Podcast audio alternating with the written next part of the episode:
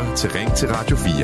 Din vært er Sylvester Guldberg Røn hvor vi i dag skal se det hele lidt oppefra, sådan øh, bogstaveligt talt. Vi skal nemlig debattere, om vi er blevet lidt for glade for at bygge højhuse i storbyerne. Og så skal vi også diskutere, hvor åbne kongehuset bør være om sygdom og helbred. Alt det, det venter senere fælles for alle emner i øh, dagens udsendelse, er, dog, jo, er dog øh, som altid, at jeg allerhelst vil tale med dig og høre din holdning. Så det er bare om at sidde klar med telefonen, så du kan ringe og skrive. Vi starter dog et andet sted, hvor temperaturen er høj og beklædningen sparsom, nemlig i en sauna i Silkeborg. For nu er der igen stridigheder omkring vinterbadeklubben Almenvældet, der holder til ved Almin Sø i Silkeborg. For et års tid siden, der rasede debatten, fordi der faldt nogle lokaler for brystet, at der blev nøgenbadet i stor stil ved det nye søbad, Mangel på respekt og lige lovlig frisindet lød kritikken. En del af det at være vinterbader lød forsvaret. Og nu er den så gal igen ved Almin Sø. Denne gang der er det altså inde i saunaen, at problemerne er opstået. Silkeborg Kommune de vil nemlig lave om i de saunaregler, øh, der er ved den lokale vinterbadeklub. I dag der er reglerne nemlig sådan, at saunagæster ikke må have badetøj på, mens de er i klubbens sauna. Af hygiejniske årsager så vil man nemlig så vidt muligt undgå at få søvand med ind i saunaen, lyder det. Det er dog for eksempel tilladt at dække sig til med et håndklæde. Men det er ikke alle, der synes, det er helt rart ikke at have badetøj på i saunaen. Det fortæller Johan Brødsgaard, der er formand for kommunens kultur, outdoor, fritids- og idrætsudvalg. Vi har efterhånden fået en hel del henvendelser fra folk, som ikke kan se sig selv i de regler, der er nu. Vores opgave det er at lave en sauna, som flest mulige kan se sig selv i, fordi det er en kommunal sauna, der er kommunalt finansieret, siger han til TV2 Østjylland. Kommunen er rimelig klar i spyttet. Hvis ikke reglerne bliver ændret, jamen så opsiger kommunen kontrakten med Vinterbadeklubben Almenvældet. Men det er altså helt skudt ved siden af, mener formand for Vinterbadeklubben Søren Bøtger. Jeg vil våge at påstå, at alle kan være med, sådan som det er i dag. De fleste sidder alligevel med et håndklæde om sig, og de fleste har mindre hud synligt, end de har om sommer, sommeren på stranden, lyder det fra øh, formanden. Vi skal høre fra både formand Søren Bøtger, men selvfølgelig også fra øh, Silkeborg Kommune i debatten her. Men jeg vil rigtig gerne høre fra dig også. Må man godt have badetøj på i øh, saunaen, og skal en kommune blande sig i det, fordi saunaen er kommunalt finansieret. Du kan være med i debatten ved at ringe på 72 30 44 44, og du kan også sende mig sms'er. De skal afsted til 14 24. Du lytter til Ring til Radio 4. Og debatten den starter vi i øh, Nørager hos dig, Bjarke Ries Poulsen på 26. Hej Bjarke. Goddag. Bjarke, lad os starte ved sagens kerne. Hvad, når du går i sauna, er det så med eller uden badetøj? Og jeg har faktisk aldrig i sauna. Jeg kan simpelthen ikke holde den der varme derude. Mm. Det er ikke lige mig med mig. Jeg er kunne så stort set aldrig i sauna. Jeg kommer i hvert fald hurtigt ud igen. Men, men hvad hvis du skulle lave et, et regelsæt? Altså, må man godt have badetøj på i sauna? Jamen, jeg synes, i forhold til øh, sagen her, så synes jeg at øh, det er kommunen, der ejer øh, sauna, så vidt jeg forstår. Øh, og hvis kommunen har fået flere henvendelser om, at øh, fra folk om, at de ikke øh, bryder sig om den regel, at øh, de skal have, have badetøjet af, så, øh, så synes jeg også, det er kommunen, der... Altså, de har jo sidste ret over den der sauna i forhold til, til badeklubben, fordi badeklubben har fået lov til at bruge den, som, som jeg ser det, lidt ligesom at hvis man leger et hus, så er det også ham, der ejer huset, som, eller hende eller ham, der ejer huset, som har den. Altså, du kan ikke bare grave en mur ned eller et eller andet i det hus der, fordi at, som lejer, øh, men det kan du som ejer.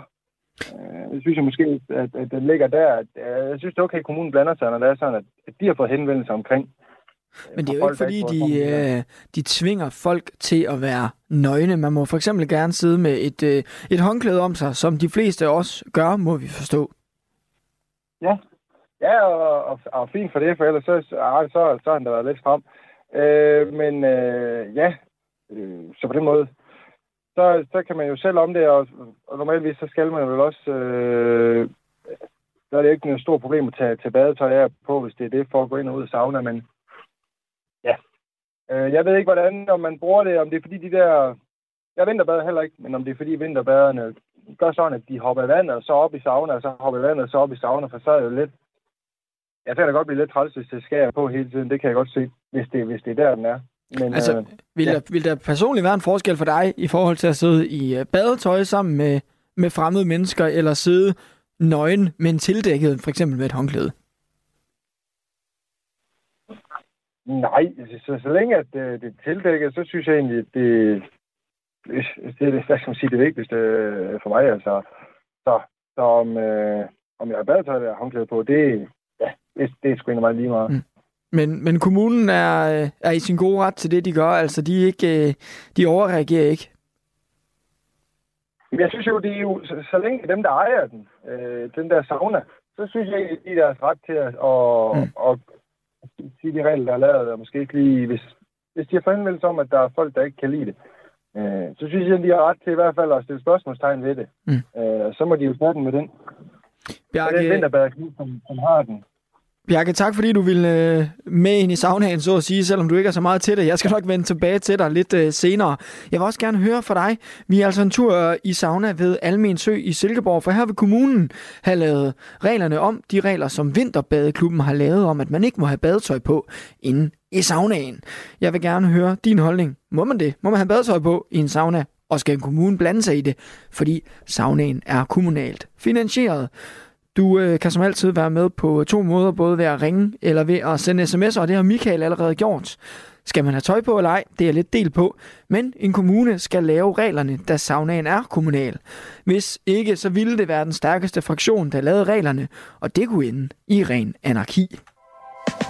Du lytter til Ring til Radio 4. Ring til os på 72 30 44 44 eller send en sms til 14 24 Lav sauna-reglerne om, eller så opsiger vi kontrakten med øh, altså Vinterbadeklubben Almenvældet, der driver saunaen. Jamen, så klar er øh, meldingen jo fra dig og Silkeborg Kommune.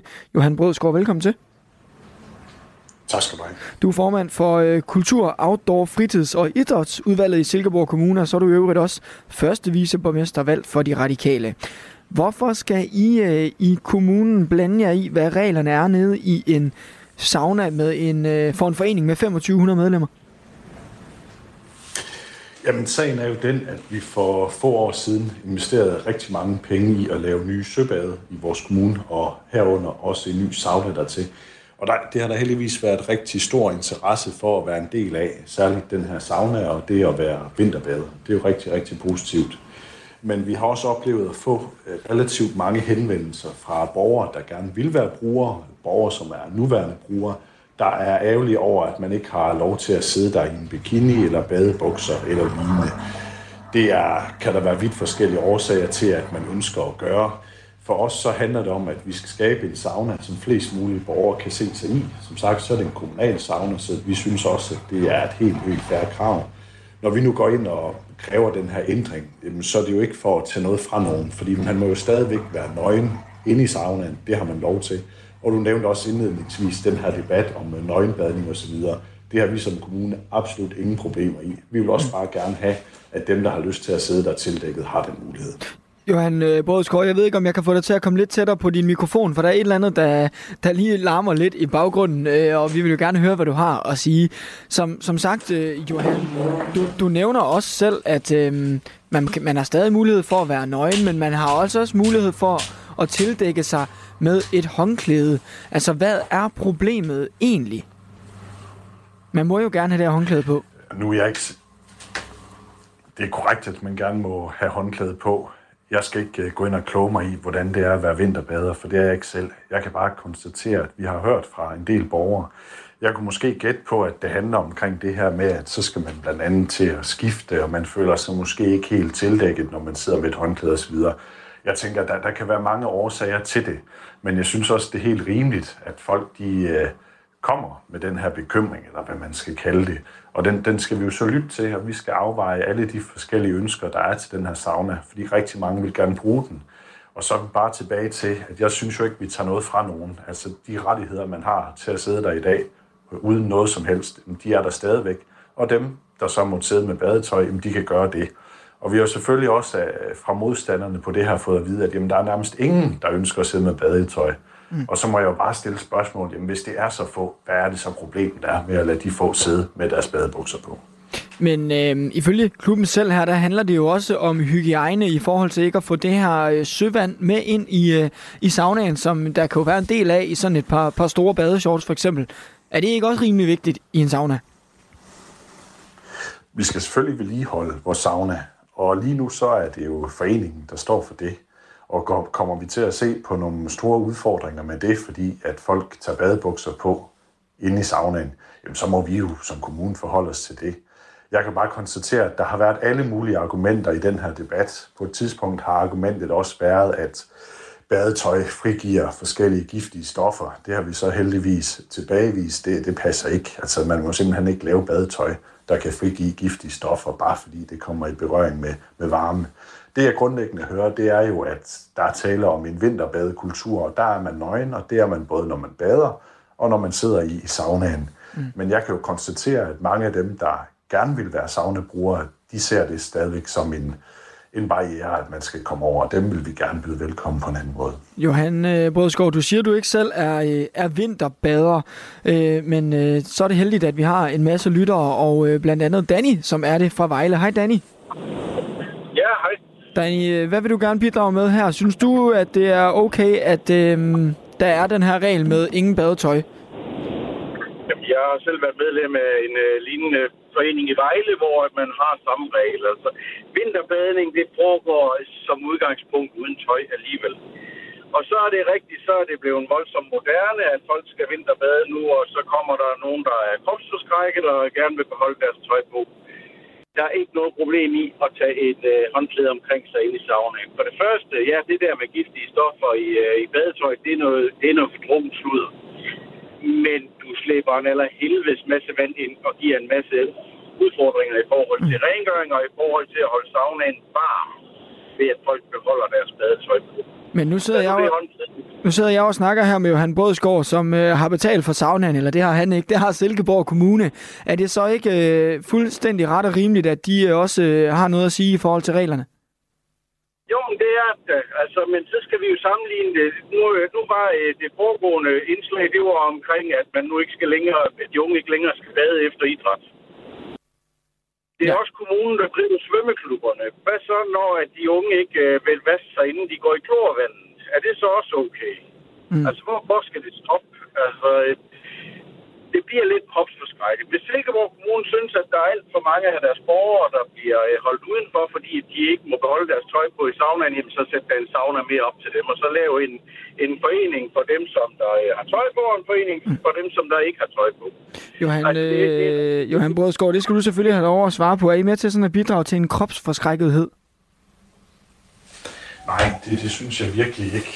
Og da vi igen havde debatten om, hvorvidt man overhovedet skulle nøgenbade dernede. Det var jo ikke en debat, vi i gang sat politisk, men øh, det var der nogle borgere, der mente, man ikke skulle. Der, der vil jeg bare sige, at der har jeg jo hele tiden været på det hold, der siger, at man har lov til at bade på den måde, man har, har lyst til, så længe det foregår i respekt for dem, der i øvrigt er der. Mm. Uh, så nej, det tænker jeg ikke. Uh, jeg kan godt sætte mig ind i, at nogen har lyst til at sidde overdækket med et håndklæde eller badetøj, og det gør dem ikke nødvendigvis kropsforskrækket mm. den årsag. Johan, jeg skal lige bede dig om at gå hen til din øh, mikrofon igen. Du er simpelthen øh, meget lav, og vi vil gerne høre, hvad du siger. Men imens, så kan vi jo lige øh, runde dig igen, øh, Danny. Altså, man behøver altså ikke at være kropsforskrækket, bare fordi man synes, at badetøj kan være en god idé. Jamen, det, det da sikkert rigtigt, men det er en tendens, der er i samfundet. Altså, I beskrev det selv lige i det foregående indslag omkring, at de unge ikke længere skal gå i bad efter idræt. For først synes jeg, det er noget svineri, men det er så noget helt andet siger bare, jamen hvis kommunen synes, at de holder for mange borgere ude af det her, jamen så stille en sauna mere op, og så lave to foreninger. Det er jo stadigvæk nok, at det er kommunen, der har betalt, men det er en forening, der driver det, som jeg forstår det. Mm. Og lad nu den forening bestemme, hvordan det skal være. Hvis du kommer til Tyskland, så bliver du buet ud, hvis du går ind i en sauna øh, med håndklæde om dig. Der må du ikke engang have håndklæde om dig.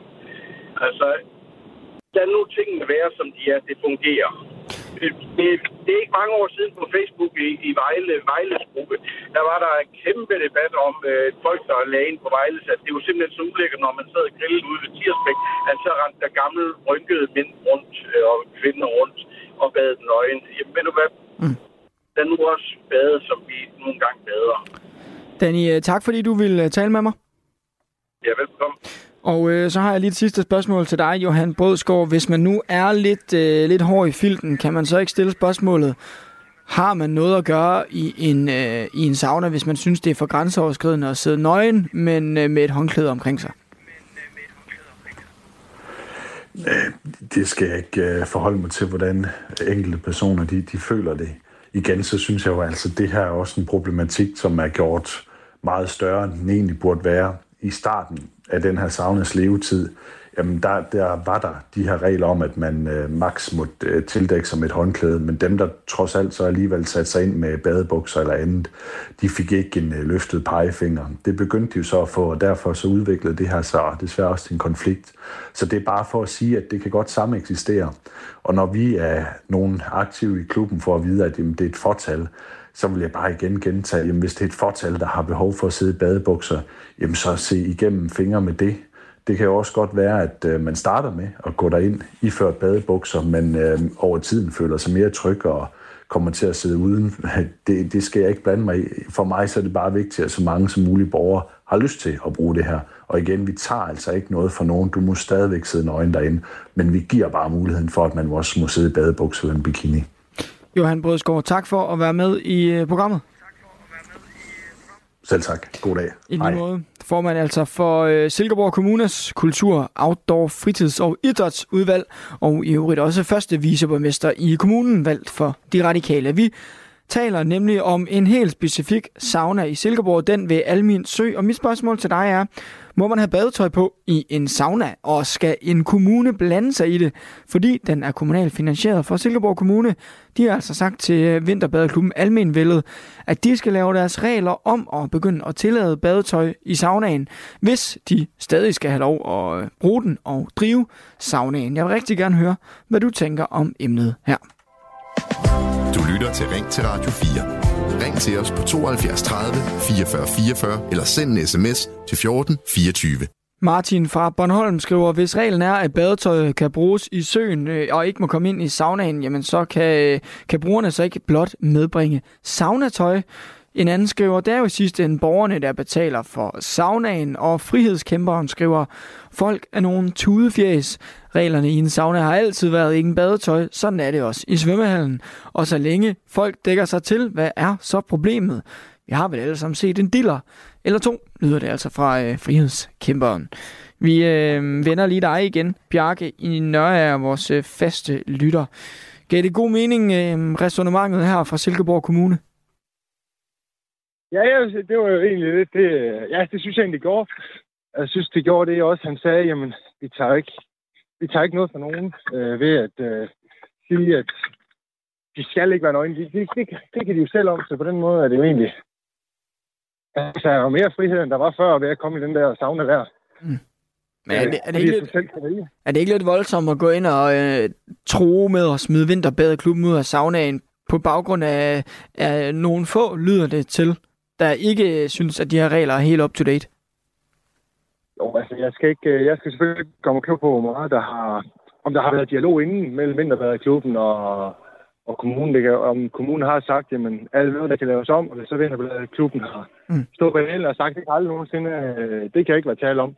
Om det er der, om det er derude, de kommer til, eller det er bare det første, for hvis det er det første træk, så er det måske også lidt, ja, jeg kan godt se, at det er lidt hissigt. Mm.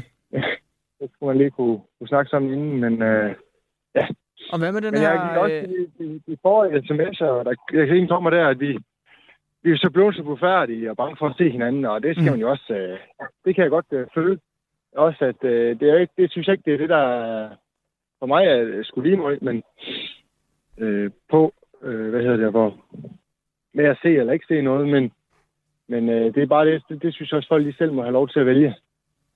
Og hvad med den her kropsforskrækkethed, som, øh, som Danny han for eksempel kom ind på. Er det ikke øh, er det med til at bidrage til det? Øh, ja, og det synes jeg, nej, det synes jeg egentlig ikke, det er, altså, fordi at det, de, de kan, man kan jo selv vælge, så dem, der vil gerne være nøgen derinde, de, de må gøre det, og dem, der, altså, og, og dem, der være, vil have været tøj på, jamen, hvis de bruger det i dag, jamen, så har de nok håndklædet omkring, så, så det er jo ikke fordi, at, at øh, jeg tror, at der bliver færre, eller eller flere øh, nøgne eller med tøj på. Jeg tror, det, det er nogenlunde det samme for dem, der tænker, at beholder vi badetøj på. Jamen, de mm. går nok derind med håndklæder i dag. Øh, så, men jeg synes jo, at vi kan have ret i, at vi skal passe på, at det ikke bliver sådan, at øh, vi ikke... Øh, at, at det bliver så forfærdeligt, at man ikke tør at, at se hinanden, altså. Ja. Mm. Martin, øh, undskyld, Bjarke, det var fordi, jeg sad og læste en sms først om Martin. Ja. Øh, Bjarke, tak for øh, indsparket. Jeg vender dig øh, igen, vender forbi dig, men for nu skal vi altså til Bælum og sige goddag til dig, Dennis på 27. Dags. Dennis, øh, du er manden, der kalder sig for frihedskæmperen på sms'en. Og du ja, øh, synes jo, folk er nogle tudefæs. Det var da noget af en, ja. øh, noget af en opsang til folk. Ja, det er vi også. Øh, folk er så kropsforskrækket nu. Hørte jeg lige en af de forrige lyttere, han også nævnt det her med, at de unge ikke ville gå bedre efter idræt, og det er også noget pjat. Men vi, vi skaber jo den her øh, øh, lidt skræmte kultur, ved at sige, jamen, øh, øh, de må ikke være nøgne i en sauna, ved du, det har alle, der var regler. Jeg kan da huske, at jeg gik i folkene, vi var i svømmehallen, jamen, vi fik at vide, at de måtte ikke have badetøj på i saunaen, og sådan var det.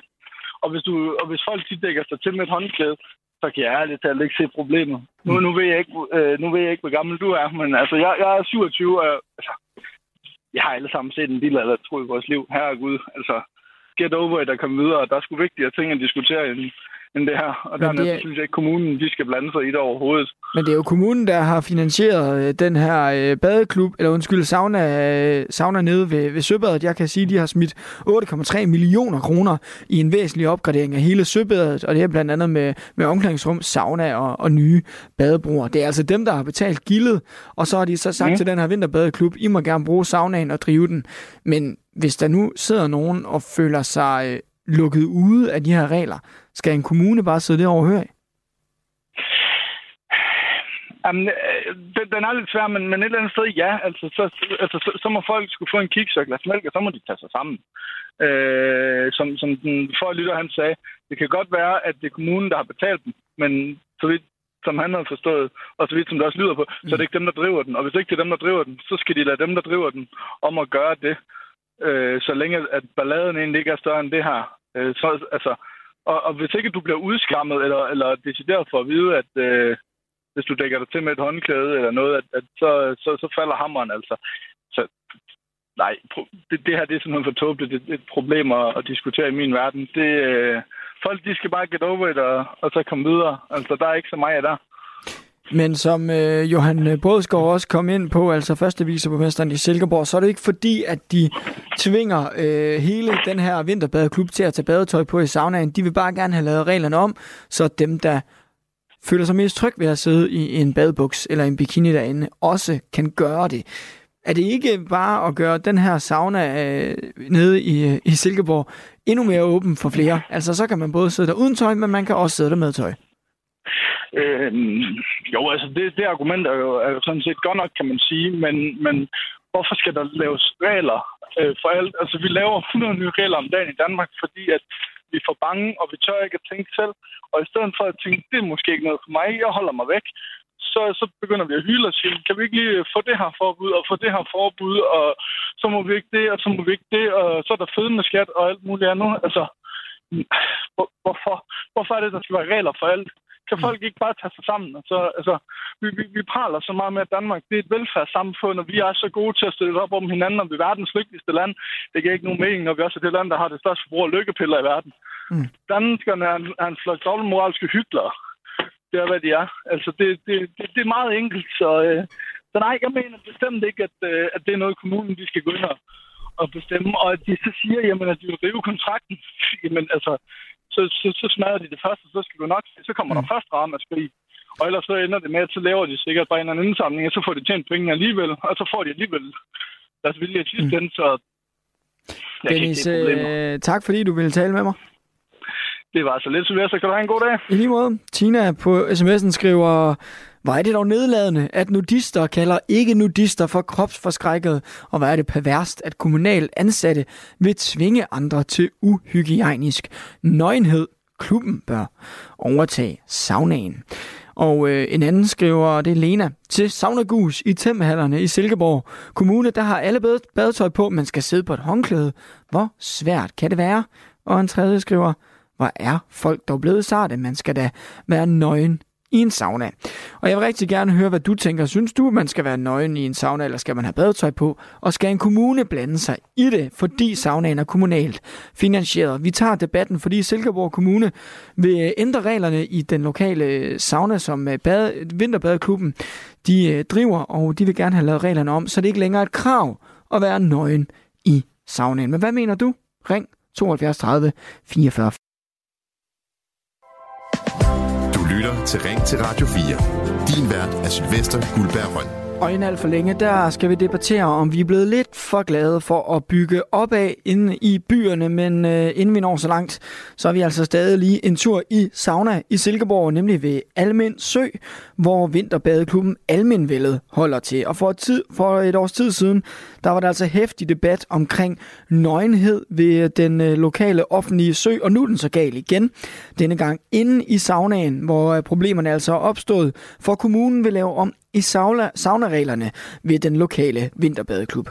I dag er reglerne sådan, at gæsterne i saunaen ikke må have badetøj på, mens de er i klubbens sauna for af hygiejniske årsager. Der vil man gerne undgå at øh, få så meget søvand ind i saunaen som muligt. Det er dog tilladt at sidde med et håndklæde i saunaen, men i øh, kommunens kulturudvalg, der vil man altså gerne have lavet de her sauna-regler om, Johan Brødskov, der er formand, og som jeg talte med lidt tidligere, siger, at øh, kommunens opgave er at lave en sauna, hvor flest mulige kan se sig selv i, fordi det er en kommunal sauna, der er kommunalt finansieret, og derfor så har de nu sagt til Vinterbadeklubben, at hvis ikke reglerne bliver lavet om, ja, så opsiger de kontrakten. Men hvad synes du, må man have badetøj på i en sauna? Og skal en kommune blande sig i det bare fordi den er kommunalt betalt? På sms'en skriver Christian, Vores kultur har altid kunne rumme øh, nøgenhed i, øh, eller kunne rumme dette indtil andre kulturer med andet syn på nøgenbadning har indtaget agendaen, og laveste fællesnævner skal bestemme. Det er et skråplan og en indskrænkning af, hvad man kan med reference til lovreligioner, lyder øh, Christian. Og Annette skriver, den der betaler orkestret bestemmer os, hvad der bliver spillet.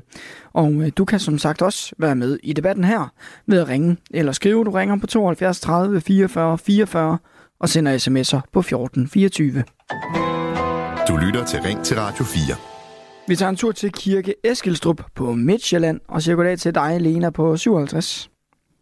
Hej så. Skal kommunen blande sig i uh, de her savneregler, synes du?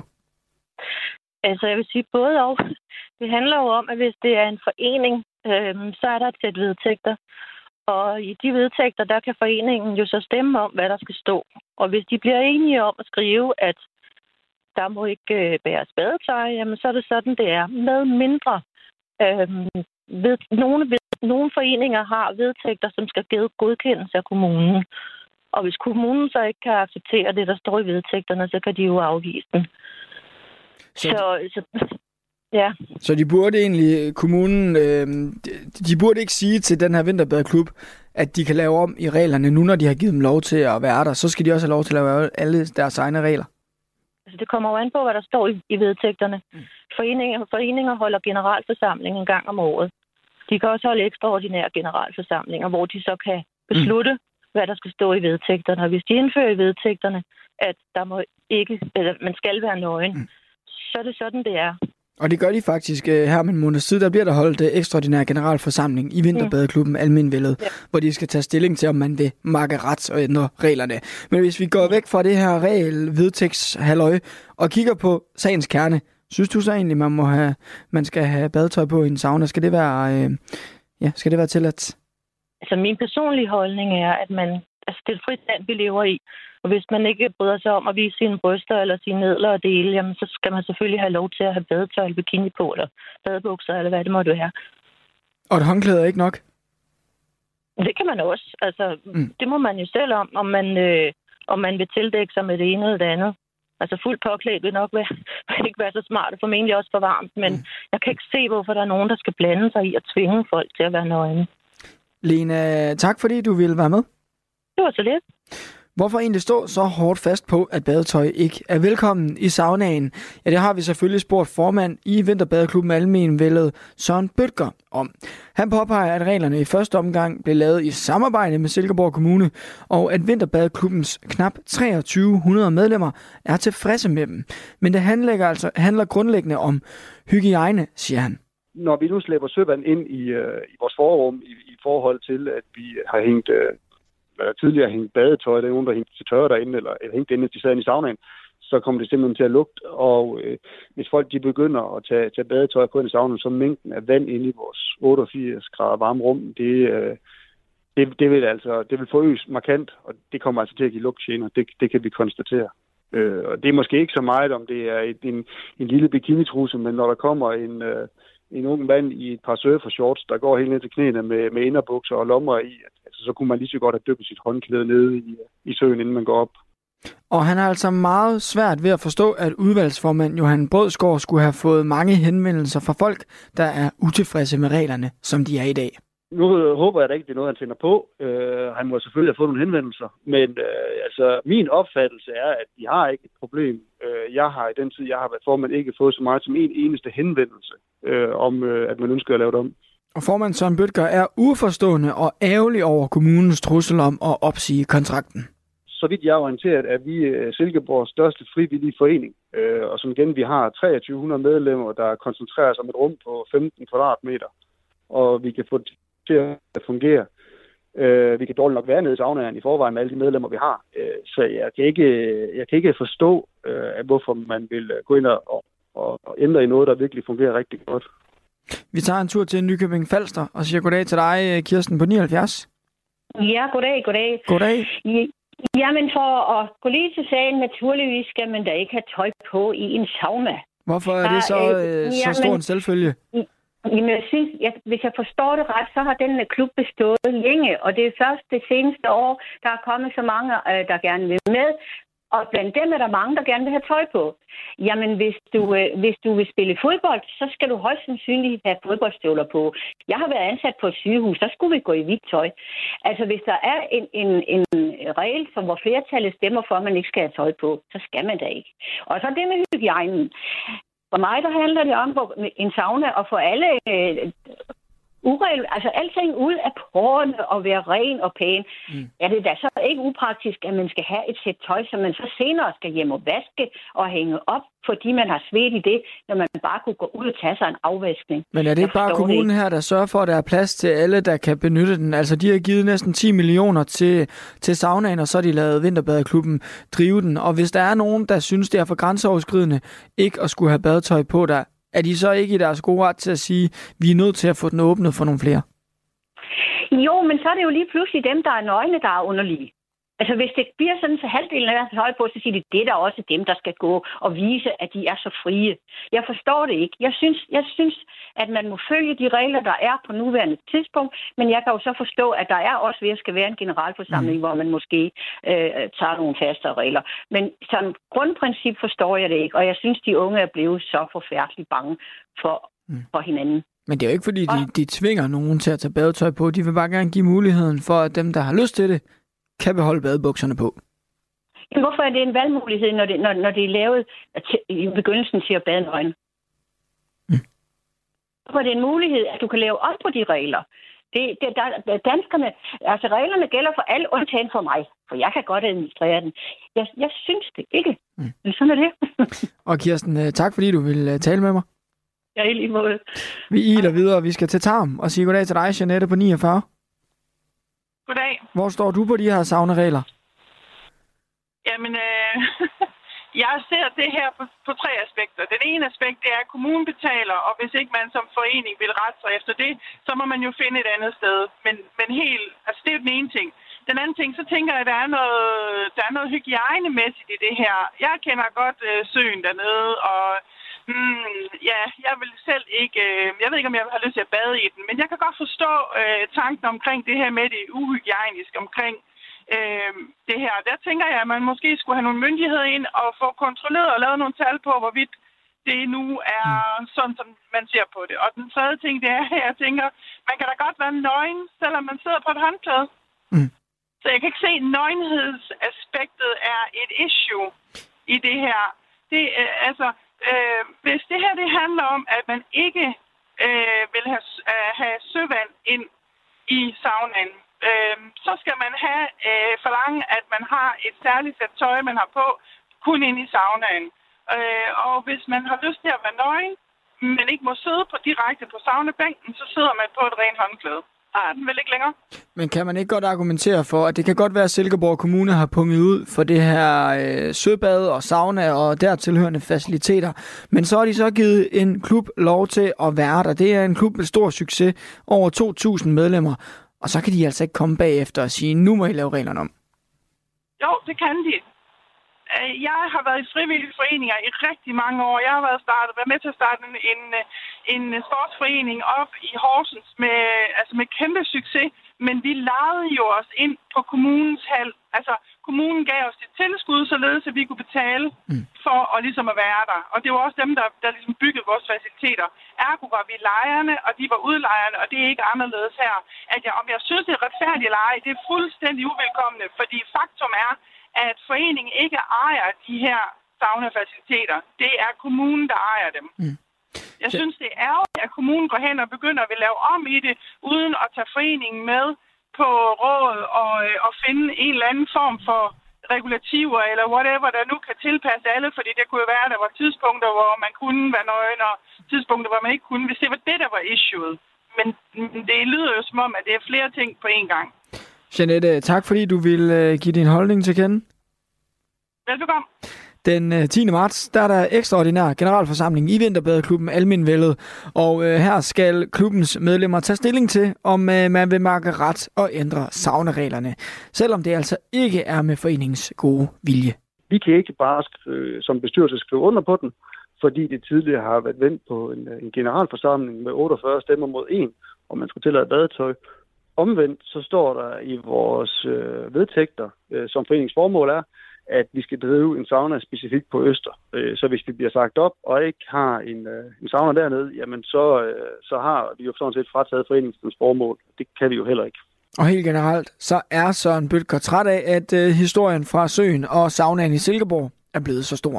Jamen, jeg synes, det er, jeg synes, det er en storm i et glas vand. Øh, jeg synes, det er noget, der er blevet blæst op af, af medierne, som, som slet ikke burde have været der. Nu i går aftes, der var vi jo i et, et andet tv-medie, og øh, det tv-medie har jo også nogle hjemmesider, og der har de haft øh, skrevet nogle overskrifter i noget, både noget korte nyhedsopdateringer øh, og i nogle artikler, og der har jeg måttet have fat i dem op til fire gange for at ændre overskrifterne, simpelthen fordi, at at øh, de fik skrevet, at folk er tvunget til at være nøgen i saunaen, og det har jeg aldrig nogensinde hørt nogen være. De fleste de sidder mere tildækket inde i saunaen med håndklæder, end, øh, end folk faktisk gør ude på, på stranden en varm sommerdag, så, så jeg kan slet ikke genkende det der. Jeg synes, det er et stormglas vand. Sådan lød det altså fra formand i øh, Vinterbadeklubben Almenvældet, Søren Bøtger. Vi øh, skal lige have en afsluttende bemærkning fra dig, Bjarke i øh, Nørre, min faste lytter. Har du rykket dig i løbet af debatten her? Eller øh, står du samme sted? Ja, men, det er ikke, men uh, han, jeg synes egentlig, hvad, hvad Jeanette hun hed, der var igennem fra Tarm, hun havde faktisk nogle... Uh, hun argumenterede godt for sin sag, at man, kunne se den, altså man kan jo se den fra begge sider, og det er også det, jeg går opmærksom på fra start af. Jeg synes jo, at kommunen er jo udlejer. Det er dem, der ejer, så øh, det må også være dem, der bestemmer øh, over det, de faciliteter, som de så har brugt knap 10 millioner på. Mm. Øh, og på den anden side, så, øh, så synes jeg også, at øh, de kan rette i det med det, øh, badetøj og med, for, med, med hvor meget og vand, der bliver slæbt derind, og med at holde det nogenlunde ren. Og, øh, øh, og der kan man godt se problemet i, hvis folk lige slæver. Men så synes jeg, det er et fint forslag at sige, hvad så hvis der er, så har du bare et sæt til, du kan tage på derind. Mm. Eller også så sætter du bare på et håndklæde, eller der kan du noget af det, der kommer. Eller. Ja, ja Bjarke, øh, tak fordi du ville med i sauna. Vi når ikke mere. Velbekomme. Mirko, tror du, jeg på de næste 55 minutter kan blive omvendt til at blive sådan en, en rigtig Swifty, ligesom dig? Jeg tror ikke, vi har brug for 55 minutter. Only in America er Danmarks eneste program dedikeret udelukkende til amerikansk kultur. Er det nu, at vi sætter Crimea River på? Ja, det tror jeg ikke, vi skal gøre, fordi... Øh... Er den sang blevet cancelled, eller hvad? Hver uge opdaterer Frederik Dirk Skotlib og Mirko Reimer Elster, der på det vigtigste, vildeste og mest vanvittige fra Guds eget land. Det tror jeg, det, det tror, det kommer til at ske. altså, jeg tror, at Justin Timberlake er blevet toxic. Lyt til Only in America i Radio 4's app, eller der, hvor du lytter til podcast. Radio 4 ikke så forudsigelig. Nu skal vi op i højderne. Siden 2010 der er der skudt over 700 højhuse til værs rundt omkring i de danske byer. Men har byudviklerne været en tand for ivrige og givet grønt lys til lidt for mange byggeprojekter uden at tage højde for, hvad de kommer til at betyde for bylivet og de mennesker, der skal være naboer til mastodonterne. Ja, det debatterer vi altså nu. I Smilets by Aarhus, der har de i de senere år haft voksevært, altså i højden. Her er der blandt andet opført Danmarks højeste boligbyggeri, Danmarks højeste træhus og Danmarks højeste kontorhus. Og lige nu der er der tre højhuse på over 100 meter på vej. Men nu vil Aarhus Kommune til at indskærpe mulighederne for at opføre højhus, og i højere grad stille spørgsmålstegn ved, øh, når der skal bygges i højden. I en artikel til Politiken, der siger den øh, konservative rådmand i Aarhus Kommune, Nikolaj Bang, sådan her.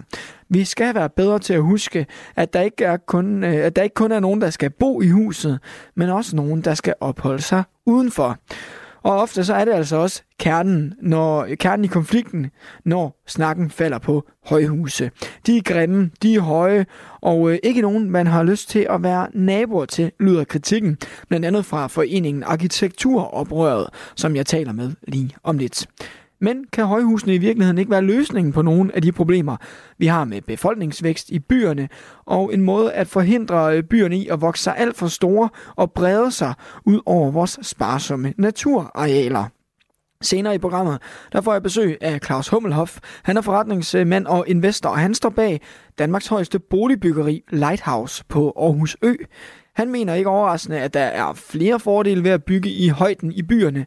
Blandt andet giver det mulighed for, at flere kan bo centralt, og det skaber sociale fællesskaber, lyder det fra ham. Mit spørgsmål til dig de næste tre kvarter, det er således, er vi blevet for glade for at bygge højhuse, eller giver det super god mening i byerne, hvor altså pladsen er knap? Du kan være med i debatten på to måder. 72 30 44 44, der ringer du og taler med mig. Og øh, sms'en den er også åben på 14 24. Du lytter til Ring til Radio 4. Vi starter debatten i Aarhus og hos dig, Mikkel Frost, på øh, 52. Hej Mikkel. Hej. Mikkel, du er jo øh, selvstændig arkitekt, så du har jo en øh, holdning eller to omkring øh, bygninger, kunne jeg forestille mig. Men hvad synes du, er vi blevet lidt for glade for de høje huse? Jeg ved ikke, om vi har nået et punkt, hvor man kan sige, at det er blevet for meget, men, men jeg mener, at det er vigtigt, at man husker, at man ikke skal have en diskussion, der går på, om man er for høje huse, eller om man er imod høje huse. Altså, højhuse kan gøres godt, og de kan gøres skidt, og de kan placeres et godt sted, og de kan placeres et dårligt, og de kan tegnes grimt, og de kan tegnes smukt. Jeg er selvfølgelig tilhænger af velplacerede højhuse, som er smukke, og det modsatte, det øh, synes jeg selvfølgelig ikke om. Og, og hvad, er, hvad er et velplaceret øh, smukt højhus? Jamen, nu nævnte du selv Lighthouse, og det er jo et enormt godt eksempel på et højhus, der er placeret et sted, hvor det giver mening. Det markerer Aarhus Ø. Det står helt ude på spidsen og bliver et udflugtsmål. Og så er det lavet sådan, at de skygger, som højhuset kaster, de falder primært ud over vandet. Og så er det designet smukt af nogle dygtige arkitekter, det har en velproportioneret form. Det er nemlig aflagt. Det vil sige, at nogle steder fra der er det smalt, andre steder er det bredere. Så det skifter ligesom form, alt efter hvor du ser det. Og det har en flot krone på toppen. Det er ikke bare sådan en flad afskæring, man har ligesom en lækker afslutning. Og uanset hvor man ser det fra, man ser det jo nogle gange for Aarhuslev eller for Lystrup, så bliver man faktisk glad over, at man kigger ind på Aarhus, som så ligesom er markeret med noget smukt. Mm. Jeg har allerede fået en sms på emnet her, Mikkel, hvor der bare står, det ligger slet ikke til Danmark. Vi er jo ikke New York. At det bevæger vi os hen mod en, en sådan lidt udansk byggestil og et udansk udtryk ved alle de høj, høj, højhuse. Jamen, der kan jo være noget rigtigt i det, for så vidt, at vi ikke har en, en tradition på at bygge højhuse, som går langt tilbage.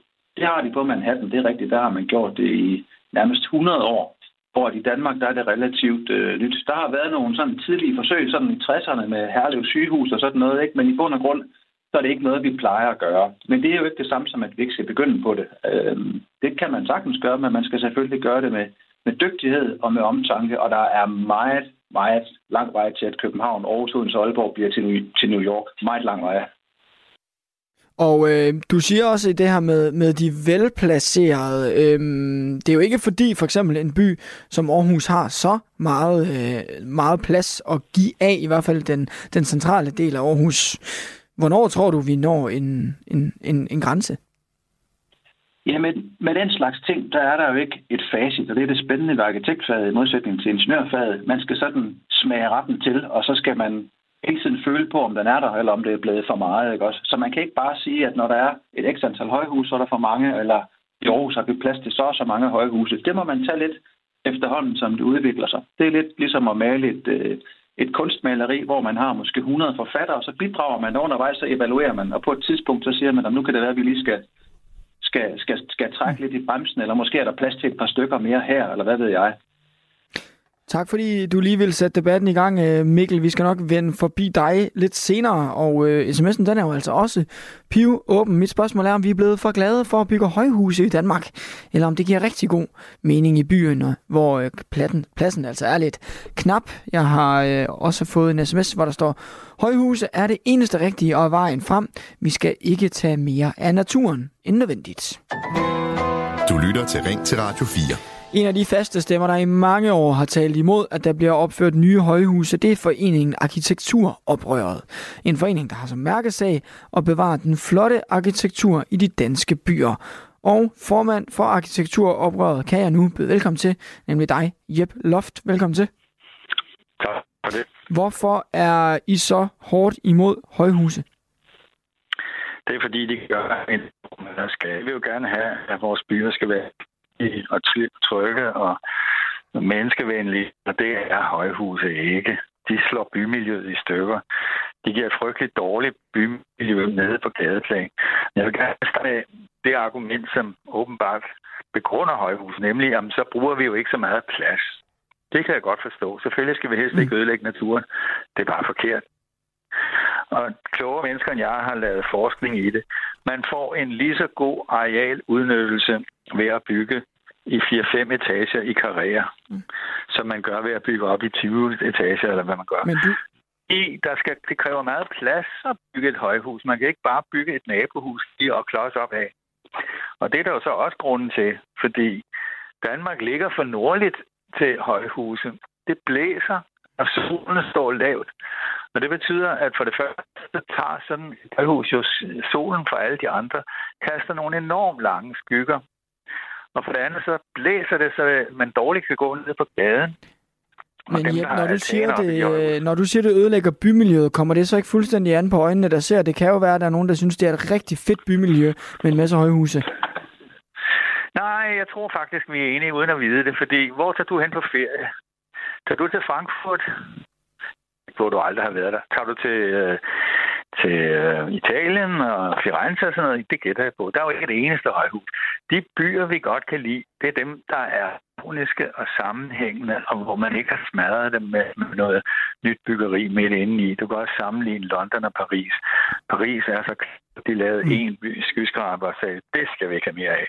Og så flyttede de dem uden for byen.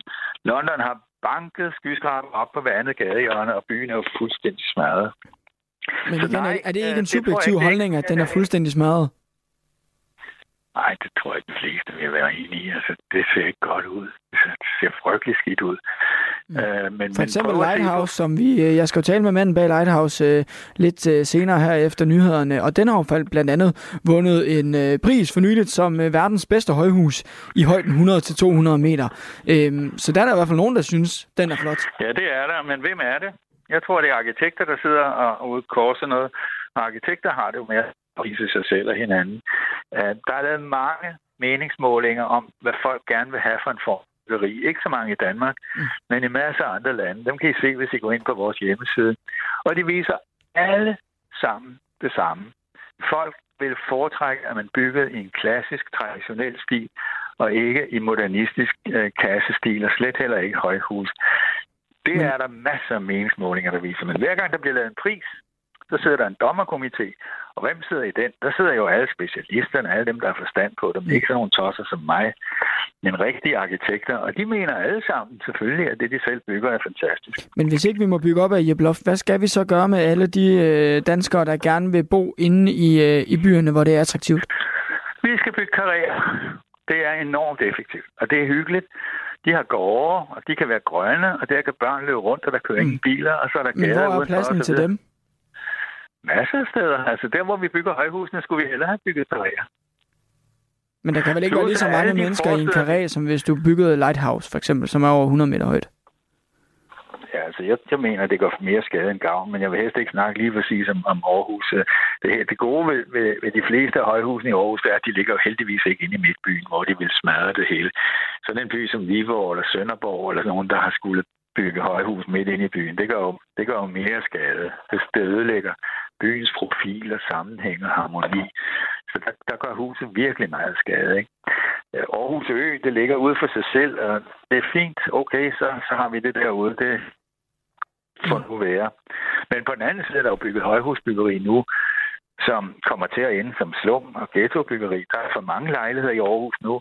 Der er masser af tomme lejligheder ude i det højhusbyggeri, der er derude mod nordvest, øh, ude ved vandtårnet. De kan ikke få dem lejet ud. Der skulle være studieboliger, men de står tomme. Man lover, at man får gratis cykler og gavekort til supermarkeder, mm. hvis man flytter derud. Folk hyggeligt i Aarhus. Så hvis de kan, så flytter de derind. Hvis de ikke har andet mm. at gøre, så flytter de selvfølgelig ind i sådan noget moderne øh, skyskraberbyggeri. Jep, øh, Loft, tusind tak, fordi du vil øh, tale med mig om højhus. Tak. Formand altså for arkitekturoprøret, og jeg håber også, at du vil tale med mig om højhuse, for mit spørgsmål til dig er, er vi blevet lidt for glade for at bygge i højden i de store byer? Er det for grimt? Er det øh, træls at være nabo til at ødelægger det bymiljøet? Eller giver det super god mening, så vi kan få en masse mennesker til at bo inde i byerne, hvor det er attraktivt, og hvor pladsen er knap. Du kan sende mig sms'er på 1424, men endnu bedre, så kan du ringe til mig. Og det er som altid på 72 30 44 44. Du lytter til Ring til Radio 4. Din vært er Sylvester Guldberg Røn. Og vi er stadig oppe i øh, højderne, oppe i højhusene, for siden 2010, der er der øh, altså i flere, følge flere optællinger skudt over 700 højhuse til værs i danske byer. Og i øh, Smilets by Aarhus, der har de altså også haft vokseværk de øh, senere år i højden. Her er opført Danmarks højeste boligbyggeri, Danmarks højeste træhus, Danmarks højeste kontorhus og flere højhuse på over 100 meter er på vej. Men nu vil kommunen måske til at øh, indskærpe muligheden for at opføre højhuse og lige tænke sig om en ekstra gang, inden man bygger opad. I en øh, artikel i Politiken, der siger den konservative rådmand i Aarhus Kommune, Nikolaj Bang, sådan her. Vi skal være bedre til at huske, at der ikke kun er nogen, der skal bo i de her højhuse, men også nogen, der skal opholde sig udenfor. Og som vi hørte fra foreningen Arkitekturoprøret, øh, kort inden nyhederne, ja, så er der altså andre muligheder at bygge op af. De øh, synes, det ødelægger bymiljøet, og at øh, det i øvrigt ikke er særlig pænt med alle de højhuse. Det kan smadre en by. Se bare på London, lød det jo fra øh, foreningen Arkitekturoprøret. Omvendt, så kan man jo også argumentere for, at højhusene i virkeligheden er en løsning på nogle af de problemer, vi har med befolkningsvækst i byerne. En måde at forhindre, at øh, de vokser sig alt for store, altså breder sig ud af, blandt andet ud over den natur, vi også gerne vil passe på. Mit spørgsmål til dig er egentlig ret simpelt. Er vi blevet for glade for at bygge højhuse, eller giver det god mening i øh, byerne, hvor pladsen altså er øh, knap? Jeg har fået en sms fra Anna, der skriver, jeg er enig med arkitekten her i København. Der øh, er de bare placeret, hvor der nu er en ledig grund. De er kønsløse beton, glas og stål og bygget tjusket med øh, mange byggefejl. Jeg vil altså også gerne høre, hvad du tænker. Ring ind på 72 30 44 44 eller send en sms på 14 24. Du lytter til Ring til Radio 4. Vi tager en tur til Greve og siger goddag til dig, Niels, på 76. Ja, tak for, at jeg må være med. Ja, selv tak da. Øh, ja, ja, jeg har sådan en anekdote til det her. Ja. Det er for mange år tilbage. Der, øh, I Greve har vi, så vidt jeg ved, ikke... Du må altså ikke hænge op på den. Men jeg kan ikke komme på, jeg har boet her i mange år, burde vide det. Øh, ikke det eneste højhus. Øh, det er vores borgmester forsøgte for nogle år tilbage, den gamle borgmester, øh, som nu længst er ude af politik, øh, han, det blev, han, han synes, at skulle vi have sådan et. Mm. Og det var nu han så op på i cirka et halvt, knap et halvt, halvt år, tre måneder før et valg, kommunevalg. Det skulle han nok ikke have gjort, for han ramte jo alle sine kernevælgere ned i det område, hvor det hus det skulle stå. Mm. Og kunne kigge ned i nabohaverne, og de kunne stort set kigge alle steder hen, dem der boede oppe i toppen af det hus der. Nå, men det, den sag endte med, at han tog det af, og han blev jo bange for ikke at blive valgt. Mm. Han blev jo ikke valgt. Hvordan ville du så have det, hvis der var lidt flere højhuse? Altså, øh, hvis man kommer lidt tættere på København, så tror jeg jo øh, ikke, du skal kigge så langt efter dem. Nej, det, jeg siger, det er for mig en... en jeg, jeg er så trist, når jeg kører forbi Brøndby Strand, for at sige det rent ud. Altså, jeg synes, det er rejsesfuldt. Den strækning, man har ind mod København fra Greve med S-toget. Altså, kun se gråt, gråt, gråt og kedeligt og kønsløst. Altså, de stakkels mennesker, jeg vil, jeg ved da, jeg vil aldrig, hvis jeg havde valget, ville jeg aldrig bo sådan et sted selv. Det kan jeg da kun sige. Men, er alternativet ikke, at byerne de bare breder sig arealmæssigt? Jo. Altså, de bliver, kommer længere og længere ud over større arealer, og ja, jo, måske øh, ødelægger den natur, vi jo også taler jo, rigtig meget om i de her år. Du har ret, og jeg behøver egentlig, dit argument kan jeg fuldt købe. Fordi også som naturelsker, har jeg et stort problem med, at nu for eksempel har vi, hvordan industrien, nu er det ikke højhuse, de bygger, det skal lige siges, noget der Greve Majen øh, herude, vi havde et meget, meget stort grønt område, hvor, og det er blevet totalt gråt, at man har udlagt det til industri. Så taler man om at bruge naturen. Mm. Der var jo, det, det, det er undtagen, og skulle der så bruge lidt natur til et højhus, der kunne hvor det kunne have en mening med at have det. Så jeg er principielt ikke imod det, men jeg synes mm. bare, at et eller andet sted. Altså, jeg har oplevet i... Uh, jeg har oplevet, nu får du lige afslutningsvis her, mm. det jeg har oplevet i, i Ungarn, øh, at ved siden af noget meget fin kirke, der hedder Mathias Kirche, mm. det er dem, der har været i Ungarn, de ved, hvor den er. Lige ved siden af har Hilton, lige klods opad, bygger Hilton et hotel i, ja, i stål og, og beton lige op ad den kirke her. Det er jo en skændsel. Niels, øh, tak fordi du vil øh, give din holdning til kende. Ja, men de kunne da finde, det var ikke det bedste sted i hvert fald. Du kan også øh, få din øh, holdning øh, ud i æderen, og du kan tale med mig, hvis du ringer på 72 30 44 44, og du kan også sende sms'er på 1424. Der er blandt andet en, der skriver synd for børn, der skal vokse op i et højhus. Og øh, en, som er fortaler for højhuse, forretningsmand og investor, det er jo øh, min gæst her i studiet, nemlig dig, Claus Hommelhoff. Velkommen til. Tak. Du står bag Lighthouse på øh, Ø, Aarhus Ø, Danmarks højeste boligbyggeri. Du bor der endda selv, ved jeg. Hvorfor er det så fedt at bo i øh, højden? Hvorfor er højhuse så, øh, så store? Øh, hvor, hvor, hvad er fordelen ved dem? Ja, du har selv været lidt inde på det. Øh, det er jo blandt andet, at man kan have mange mennesker på ikke så meget plads. Men det, der så er vigtigt, er jo at sørge for, at det er dejligt at bo der. Og nu er jeg lige inde på med børn. Altså derude har vi jo lavet legepladser til børn, og øh, grunden til, at Lighthouse har gået til verdens bedste højhus, øh, det er jo blandt andet, at det er så godt at bo derude. Der er så mange aktiviteter for børn og voksne. Altså vi har, øh, jeg kan ikke forestille mig andre steder, i Villa Kvarter og andre steder, hvor man så har så mange klubber, som vi har. Vi har bridgeklubber, vi har badeklubber, vi har sågar en bolleklub, altså nogen, der bager boller. Så, så der er rigtig mange fællesskaber derude, og, og det er der både for børn og for voksne, så det er, det er virkelig skønt at bo derude. Og så kan man jo finde ud af, at man kan godt lide at bo op på 44. sal eller 43. sal, eller man kan som jeg bo på 10. sal, hvor man bedre kan se det hele. Mm. Det er smag og behag. Ja, og det er jo nemlig det her med smagen. Jeg har også fået en sms fra Inger, der skriver, tag Islands Brygge for eksempel. Yderst skræmmende eksempel. Ikke blot øh, højhusene, men hele udtrykket er så grimt og tilfældigt, som man grimmes. Synes du, at højhuse er smukke? nu kan man jo spørge, om kvinder er smukke. Der er både smukke højhuse, der er ikke så smukke højhuse. Vi har nok det hele her i Aarhus. Jeg vil helst ikke udtale om dem, jeg ikke synes er smukke, men jeg synes faktisk, at Lighthouse er virkelig smuk. Mm. Og nu har man talt meget om, at man skal, måske skal bygge karrierer i stedet for. Det har vi også bygget ud på Aarhus Ø. Det har jeg så ikke gerne af. Det er nogle andre, der har gjort det. Og der kan man jo så finde ud af, hvad synes man, der er bedst? Højhuse eller karrierer? Eller ja, man mm. kan finde det hele. Ja, fordi du tager selvfølgelig udgangspunkt i, i Aarhus og, og, og Lighthouse, øh, som du altså både står bag og bor i. De her fordele, du, du nævner ved højhuse, er det nogen, du kan se alle steder? Altså er der ikke også nogen steder, hvor højhuse ikke giver mening i de store byer? Altså nu har den lytter, der var inde lidt tidligere, jo skrev, beskrevet nogle steder, Brøndby Øster og jeg synes der også, der er nogle steder i København, hvor man har bygget ned mod vandet øh, Kalvebodbrygge, som måske ikke er så vellykket. Men det er jo problemet nogle gange, det er, at man kan bygge noget, der er vellykket, og noget, der ikke er så vellykket. Der er også noget ude på Aarhusø, der ikke er helt vellykket. Men det er jo prisen for at, at forsøge noget, og så må man jo finde ud af, hvad man synes bedst om. Ja, og jeg talte jo med arkitekturoprøret, som nævnte øh, byer som London og Frankfurt, som han øh, mente var blevet ødelagt af de her højhuse. Han spurgte mig lidt retorisk, hvor tager du på ferie hen? Du tager nok ikke til Frankfurt. Er der ikke en risiko for, at det kan tage overhånd i en, i en by som Aarhus eller København, at det bliver en, bliver en betonjungle? Jo, selvfølgelig kan det da det. Der er der også bygget noget i Aarhus, som måske ikke er så, så fornuftigt. Men problemet er jo, at mange af de mennesker, der udtaler sig, det er jo nogen, der ikke har prøvet det selv. Altså, jeg oplever ude på Aarhus Ø, og især Lighthouse, jeg kører elevator med dem alle sammen øh, flere gange om dagen, at, at de er så glade for at bo derude. Jeg sammenligner nogle gange med nybyggerne på prægen. De vil ikke væk derfra igen. De mm. elsker at bo der.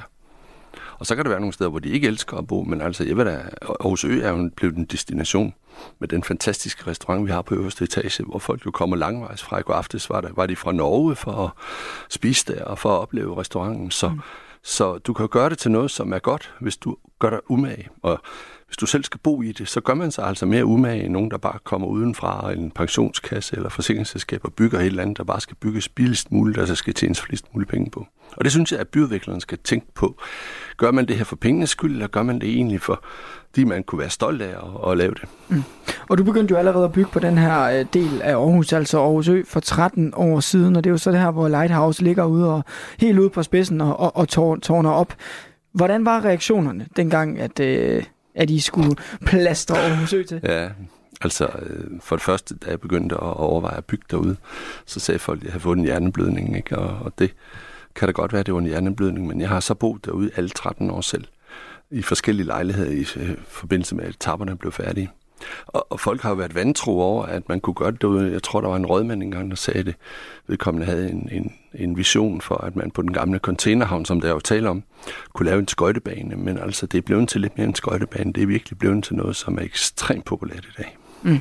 Og en af de første sms'er, jeg, øh, jeg fik, det var, jeg kan lige prøve at se, om jeg kan finde den frem igen. Det var, øh, jo, den ligger her. Det var den her sms, hvor der står, det, slet, det ligger slet ikke til Danmark. Vi er jo ikke New York. Er det, er det udansk at bygge højhuse, eller er det øh, noget, der kan blive dansk? Jeg synes, vi har gjort et, et forsøg ud på Aarhus på at lave noget, som er dansk. Fordi vi har forsøgt at putte alle de ting på. Nu fortalte jeg om de klubber, vi har derude, men der er også alle de aktiviteter, der er. Der er en svømmebane, der er en dykkerbane, der er tre badebroer, hvor folk jo selv... Nu her om vinteren, jeg prøvede det selv i sidste uge, det gav så en halsbetændelse og en kold lungebetændelse, men, men, men du ser folk, der kommer cyklen ind fra byen, smider tøjet, hopper i vandet, tager tøjet på igen og cykler hjem igen, fordi de synes, det er så fedt at være derude. Claus Hommelhoff, øh, vi inviterer lige en øh, stemme ind i debatten, og det er Erik fra Amager på 65. Øh, hej Erik.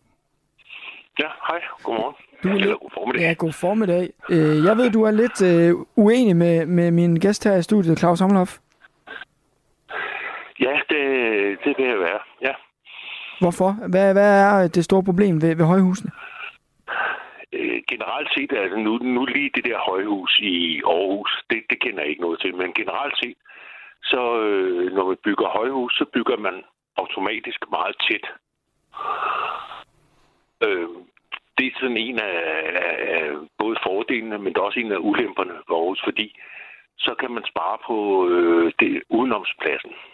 Nu blev der så sagt, at ja, man har en legeplads til, til børnene. Øh, ja, den gælder til, at de er måske syv år gamle. Så bruger de børnene ikke legeplads mere. Så har, har de brug for noget andet plads udenomkring. Og det tager man ikke hensyn til, vi har når man bygger højhus. Vi har basketballbaner, vi har fodboldbaner derude. Og legepladsen ja, er, er også lavet. Så... Det er sådan nogle, det er sådan nogle indgrænsede arealer, man har øh, til de unge mennesker, der er, er der. De, kan, det det. de er åbne for alle mennesker. Ja, ja, men det er et begrænset areal. Der er ikke ret meget plads. Det er nogle, øh, det er nogen, der er indhegnet i et eller andet basketball, for eksempel, eller noget mm. andet. Jeg, jeg kigger på, for eksempel, nu ved jeg godt, det ikke er så meget højhusbyggeri, jeg kigger på meget her for tiden, så kigger jeg på Ørestad med det skræmmende eksempel på, hvor tæt man har bygget, og hvor lidt plads der er. Hvor lidt man har indtænkt plads til unge mennesker. Jamen, det har du fuldstændig ret i. Det har du helt ret i. Det er, øh, man tænker alt, alt for lidt i bredde idræt, også i Aarhus, også i mange andre store byer. Vi har alt for lidt plads til, at folk kan løbe rundt og spille fodbold eller lave andre aktiviteter, og det er så et af de punkter, hvor vi har vi har ikke kunne sætte ret meget ind, fordi jorden er så dyr derude, men vi håber da, at det bliver plads til sådan noget andre steder i byen. Mm. Men øh, det er, det er et problem. Erik, må jeg prøve at bryde ind her og, og, og spørge, om, om der måske kan være en, en form for altså et form for had mod højhuset, der konstaterer, når man kigger på det, om det der det er grimt, og det fylder, og det har måske også taget en masse år at bygge, hvor der har været en masse rod og gener i det område, men at man måske aldrig rigtig har været tæt på, eller sågar oppe i højhuset. Har jeg... det kan godt være, at. Jeg har ikke noget had øh, mod sådan noget. Der, der er noget, jeg sådan godt kan lide, og så er der noget, jeg ikke kan lide. Jeg vil ikke sige, at jeg hader højhus eller noget. Men for eksempel, jeg har boet i nærheden af... Der er cyklet forbi, vil jeg sige, øh, det der højhus, Kodanhus, inde på Gamle Kongevej. Der er tit cyklet forbi, og der er altid, øh, det er lige meget, hvad vej man kommer fra, der er altid modvind. Det, der, der er sådan en vindturbulens, der det er ikke til at opholde sig øh, derinde omkring det der højhus, der er derinde i Kodanhus for, for Gamle Kongevej. Mm. Så, og jeg har også, øh, altså jeg har faktisk boet i nærheden af det højhus, der hedder Domus Vista. Det er også et frygteligt areal, der er der omkring. Der, der, der er stort set ikke noget miljø derinde. Mm. Øh, der er noget kriminalitet og sådan noget, men udover det, så er der sgu ikke noget. Erik, øh, tak og det er noget af det miljø, som mm. øh, højhus er med til at skabe. Det, det vil skabe øh, rådløshed og kriminalitet mm. og øh, alle, alle mulige dårlige miljøer omkring det. Og det værste eksempel, jeg ved godt, det er øh, højhus, det er Ørestad. Det er frygteligt. Mm. Tak fordi du ville være med, øh, Erik. Ja, ja det er så lidt. Hej. Claus, er det noget af, er det noget af sagen her omkring øh, kritikken af højhuset, at man er for dårlig til at tænke på, hvad der ligger omkring? Ja. Eller har, eller har været? Øhm, ja, har været og er. Øhm, det er jo problemet, når du er inde i centrum af en, en stor by. Så er priserne så høje på jorden, at det er svært at anlægge en fodboldbane hen i centrum. Men det kommunerne så bør gøre, det er jo at prøve at lægge noget mere ud i uh, periferien af byen.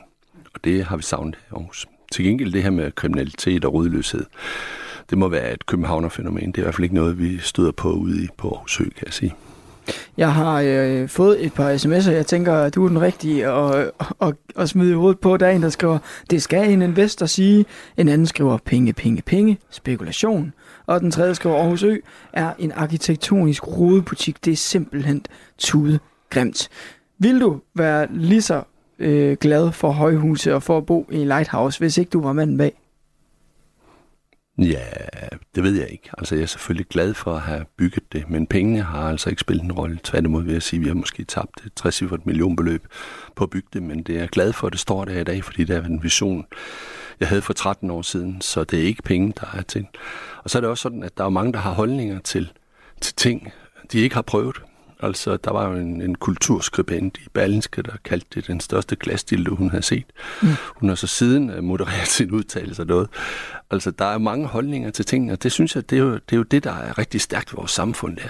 Vi kan være uenige her, uden at vi kommer op og slås, fordi nogen kan bedst lide moren, andre kan bedre lide datteren. Sådan er det. Vi uh, inviterer lige en stemme mere ind. Det er dig, Jim, på Bornholm på 51. Ja, det er korrekt. Ja, velkommen Halløj. til. Jim, øh, er, du, øh, er du stor fan af højhuse derovre på Bornholm?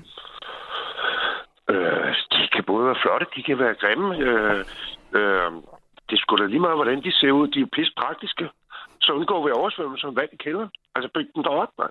Altså, og så sæt ham der, der plejer at sidde på bænken, ham med arkitekten der, som har været med til at, at bygge København og New York op. Jeg kan ikke huske, hvad han hedder. Jeg ved ikke, det er Bjarke Engels, du tænker på. Ja, ja, ja. Lad ham, øh, lad, lad ham være med indover. Og altså, det løser problemer med oversvømmelse, og vi har pro- problemer med vand. Jeg kan simpelthen ikke forstå, at man kan have en holdning til, til hus. Altså, men altså, det tror, du det, tror du det øh, måske bunder i, at du øh, bor på Bornholm, hvor der jo ikke er så forfærdeligt mange højhuse? Ved du hvad? Jeg kommer fra Sydholmen i København. Okay. Så og, du ved, hvad du taler om? Absolut. Og den der med den der glasdildo, det der store akvarium, folk de bor i, dem, altså, det kan være praktisk. Øh, man skal bare anlægge nogle øh, haver op på taget. Så har folk noget at foretage sig. Det er fordi folk har at kede sig. Og så ryger kriminaliteten også ned og det hele. Altså. Claus, er vi, øh, ser vi slet ikke nok muligheder i det? Nej, men han er jo fuldstændig ret i det her. Vi har lavet masser af haver derude. Inden højhuset blev bygget, havde vi Danmarks, eller Europas største køkkenhave. Der var 400 køkkenhaver derude, nu er der så måske kun 50 tilbage. Men folk kom jo fra hele byen og ville have en køkkenhave derude. Det kostede ikke noget, så dyrkede de deres grøntsager. Det er jo helt rigtigt. Aktiviteter, det holder jo folk fra at, at gøre dumme ting. Så, så det, vi laver så mange aktiviteter, vi overhovedet kan, og det er også derfor, at Lighthouse blev kort til verdens bedste højhus. Det er alle de aktiviteter, vi har lagt i. Vi har plantet ålegræs for at få, få liv i kanalerne derude, ja, og vi har øh, hummer, der går i vandet, fordi vi har fået lukket kloakkerne, der løber derud. Så der er rigtig, rigtig mange ting derude af aktiviteter. Jamen, tak fordi du vil øh, være med. Øh, til mig? Ja. Ja, okay, men jeg vil, jeg vil godt lige sige én ting. Ja. Jeg mener, det er i Dubai, hvor man har bygget alle de der meget store ja. højhus. Der er tårnfalken, eller falke, de er pludselig fået plads til at være fugl. Mm. Så byg op. Tak for det, øh, Jim. Og øh, inden jeg lader dig øh, gå, Claus Sommelhoff, så har jeg altså lige et, øh, et sidste spørgsmål. Nu lyder det jo til, at øh, Aarhus Kommune, hvor vi står, og hvor du øh, bor og har står bag Lighthouse, de måske vil til at være øh, lidt mere påpasselige, eller i hvert fald stille et par spørgsmålstegn til sig, til, eller stille et par spørgsmål til sig selv, inden de bygger opad. Hvornår synes du, vi har nået en grænse for, hvor mange øh, højhuse i en by som Aarhus eller København, eller generelt vi kan have, før at vi... Øh, ender som nogle betonjungler i vores store byer? Det er svært at sige, men der bliver bygget mange, og de bliver ikke alle sammen lige kønne, desværre. Det er jeg nødt til at sige, det er fuldstændig korrekt. Men altså, nu vil, nu vil politikerne jo mange ting. Altså, nu skal hele den indre by laves om til grønne torve, og det er jo en hver arkitekt og byplanlæggers våde drøm at vi skal have sådan noget, så vi skal have bilerne ud af byen. Okay, hvor skal vi så bo? Hvordan skal vi så komme i skole, eller på arbejde, eller hen i pensionistcenteret, som jeg skal? Så øh, jeg synes, øh, man, ikke kan, man kan ikke svare entydigt på det, men det er, det er altid godt at stoppe op og tænke sig om når man har gjort noget et stykke tid. Og nu har vi bygget en del højhus i Aarhus. Der er nogle stykker, der er ved at blive bygget lige nu.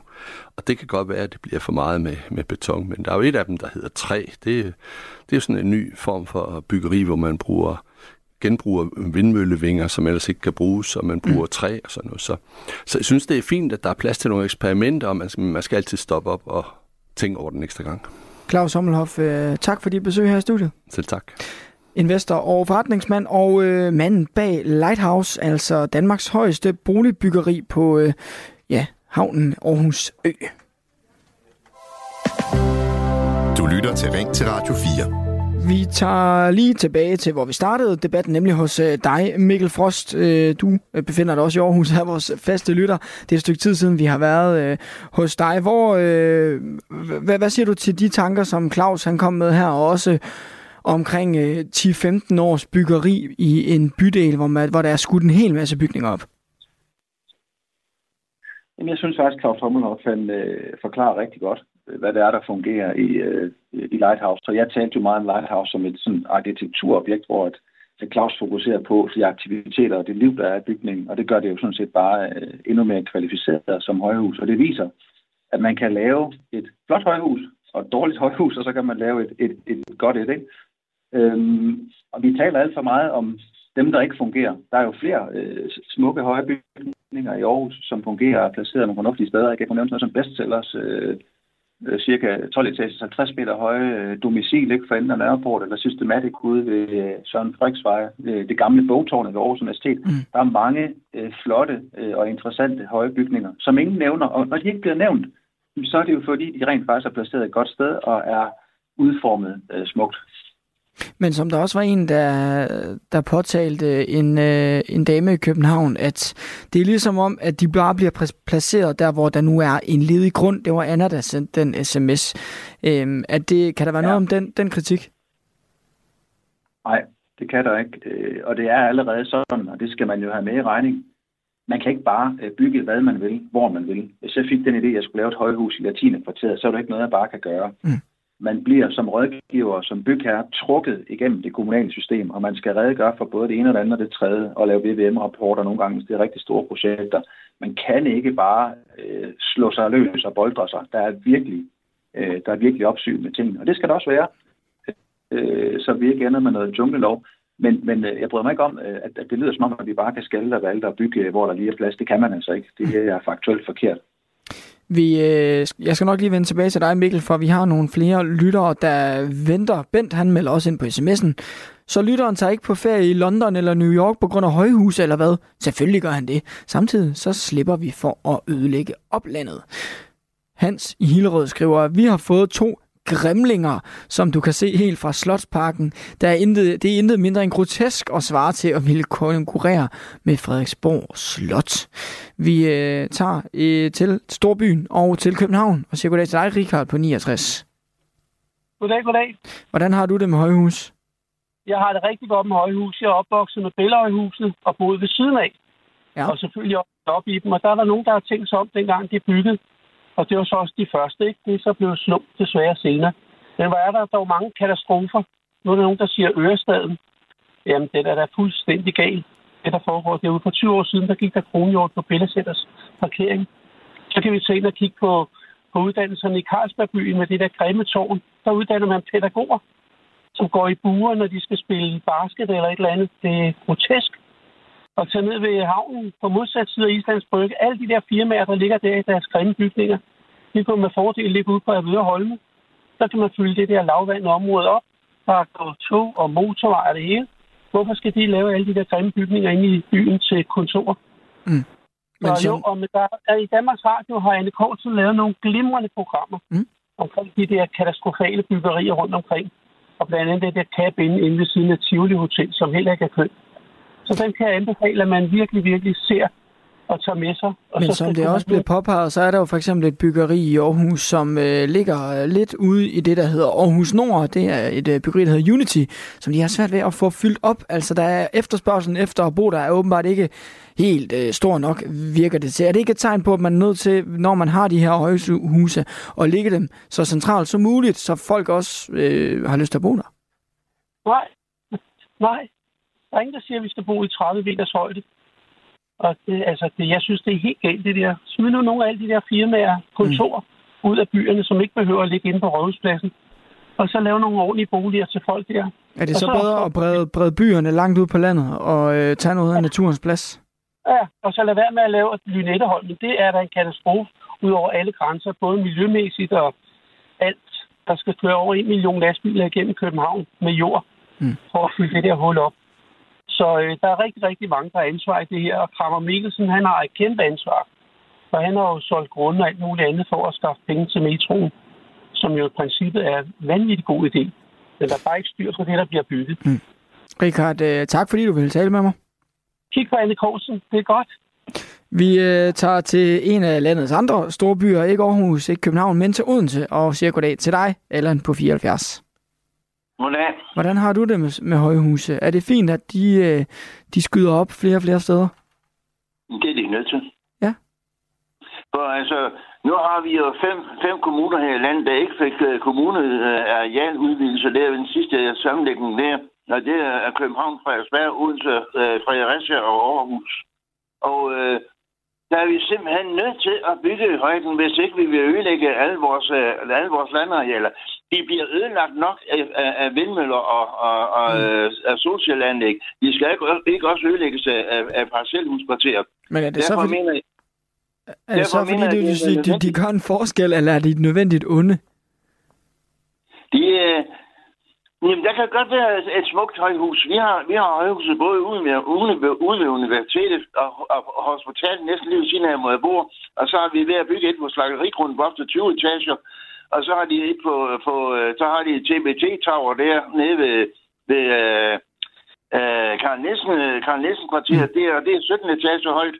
Og de, og de har planlagt at bygge endnu flere højhuse, blandt andet øh, i Havnkvarteret og lige den, øh, i, næste, er lige den her i Indre By. Og så har de så også øh, lavere huse i øh, højhuse i, i Hjalse og i... Øh, Mm. Og, Men- og, så, og så herude i Munkebjerg. Men som nogen påpeger, så, er det, så mener de i hvert fald, at vi har glemt dem, der skal bo i nærheden af det, eller leve i nærheden af det og kigge på det, og ikke bare tænke på dem, der skal bo i det. Hvordan har du det med at bo i nærheden af dem? Hvis man, vil be, hvis man vil bo i en by, så er man nødt til at finde sig i, at, at, at en by udvikler sig. At så, må man sgu, at så må man sgu flytte helt ud på Slaskimark ude på landet der, mm. hvor, der ikke er, hvor der ikke findes sig noget. Det er ikke andet at gøre. Allan, øh, tak for dit indspark. Det var så lidt. På sms'en skriver Michael fra Aarhus. Jeg, kan, jeg må indrømme, at jeg ikke forstår fremhævelsen af arkitekturen i Aarhus Ø. Byggeriet i midten er højt, tæt og bygget, og så, øh, så set ligner det noget der, til, noget, der vil udvikle sig til et slumbyggeri med tiden, efterhånden som slidet og broen sætter sine spor. Det er indkranset af noget hvidt glitterbyggeri, hvor man forsøger at skabe noget amerikansk frontlinje, som skal se ud af noget. At det ufatteligt grimme byggeri på Ø i midten af en decideret øjebæg, så kan arkitekterne sige, hvad de vil. En undersøgelse af meningen om ø vil garanteret vise sig, at jeg har ret, lyder det fra Michael. Altså ikke øh, særlig mange roser til ja, noget af det højhusbebyggelse, vi har i Danmark, nemlig Aarhus Ø i, øh, ja, i Aarhus, sjovt nok. Vi, øh, vi slutter også debatten i Aarhus hos, øh, hos dig, Michael, øh, undskyld, Mikkel, min, min faste lytter. Hvor vigtigt er det, at der er en rød tråd, når det kommer til de her højhuse? Det, det fornemmede jeg lidt var, en, var et kritikpunkt i sms'en her. Nej, nu bliver det beskrevet som om, at alle bygninger på Aarhus Ø øh, er højhuse, og det er de jo ikke. Øh, og i øvrigt taler vi ikke om Aarhus Ø som byplan eller som kvarter. Vi taler om højhuse, og derfor har vi talt meget om Lighthouse isoleret set. Mm. Øh, man kan jo mene om Aarhus Ø, hvad man vil i forhold til, om bygningerne skulle have været mere ensartet, eller haft mere den samme højde, eller samme materialitet og farve, som man kender det på Frederiksbjerg for eksempel, som er sådan et mere øh, harmonisk rød murstenskvarter. Det, men det, det, det er bare en anden diskussion om, mm. hvorvidt vi skal bygge i højden eller ej.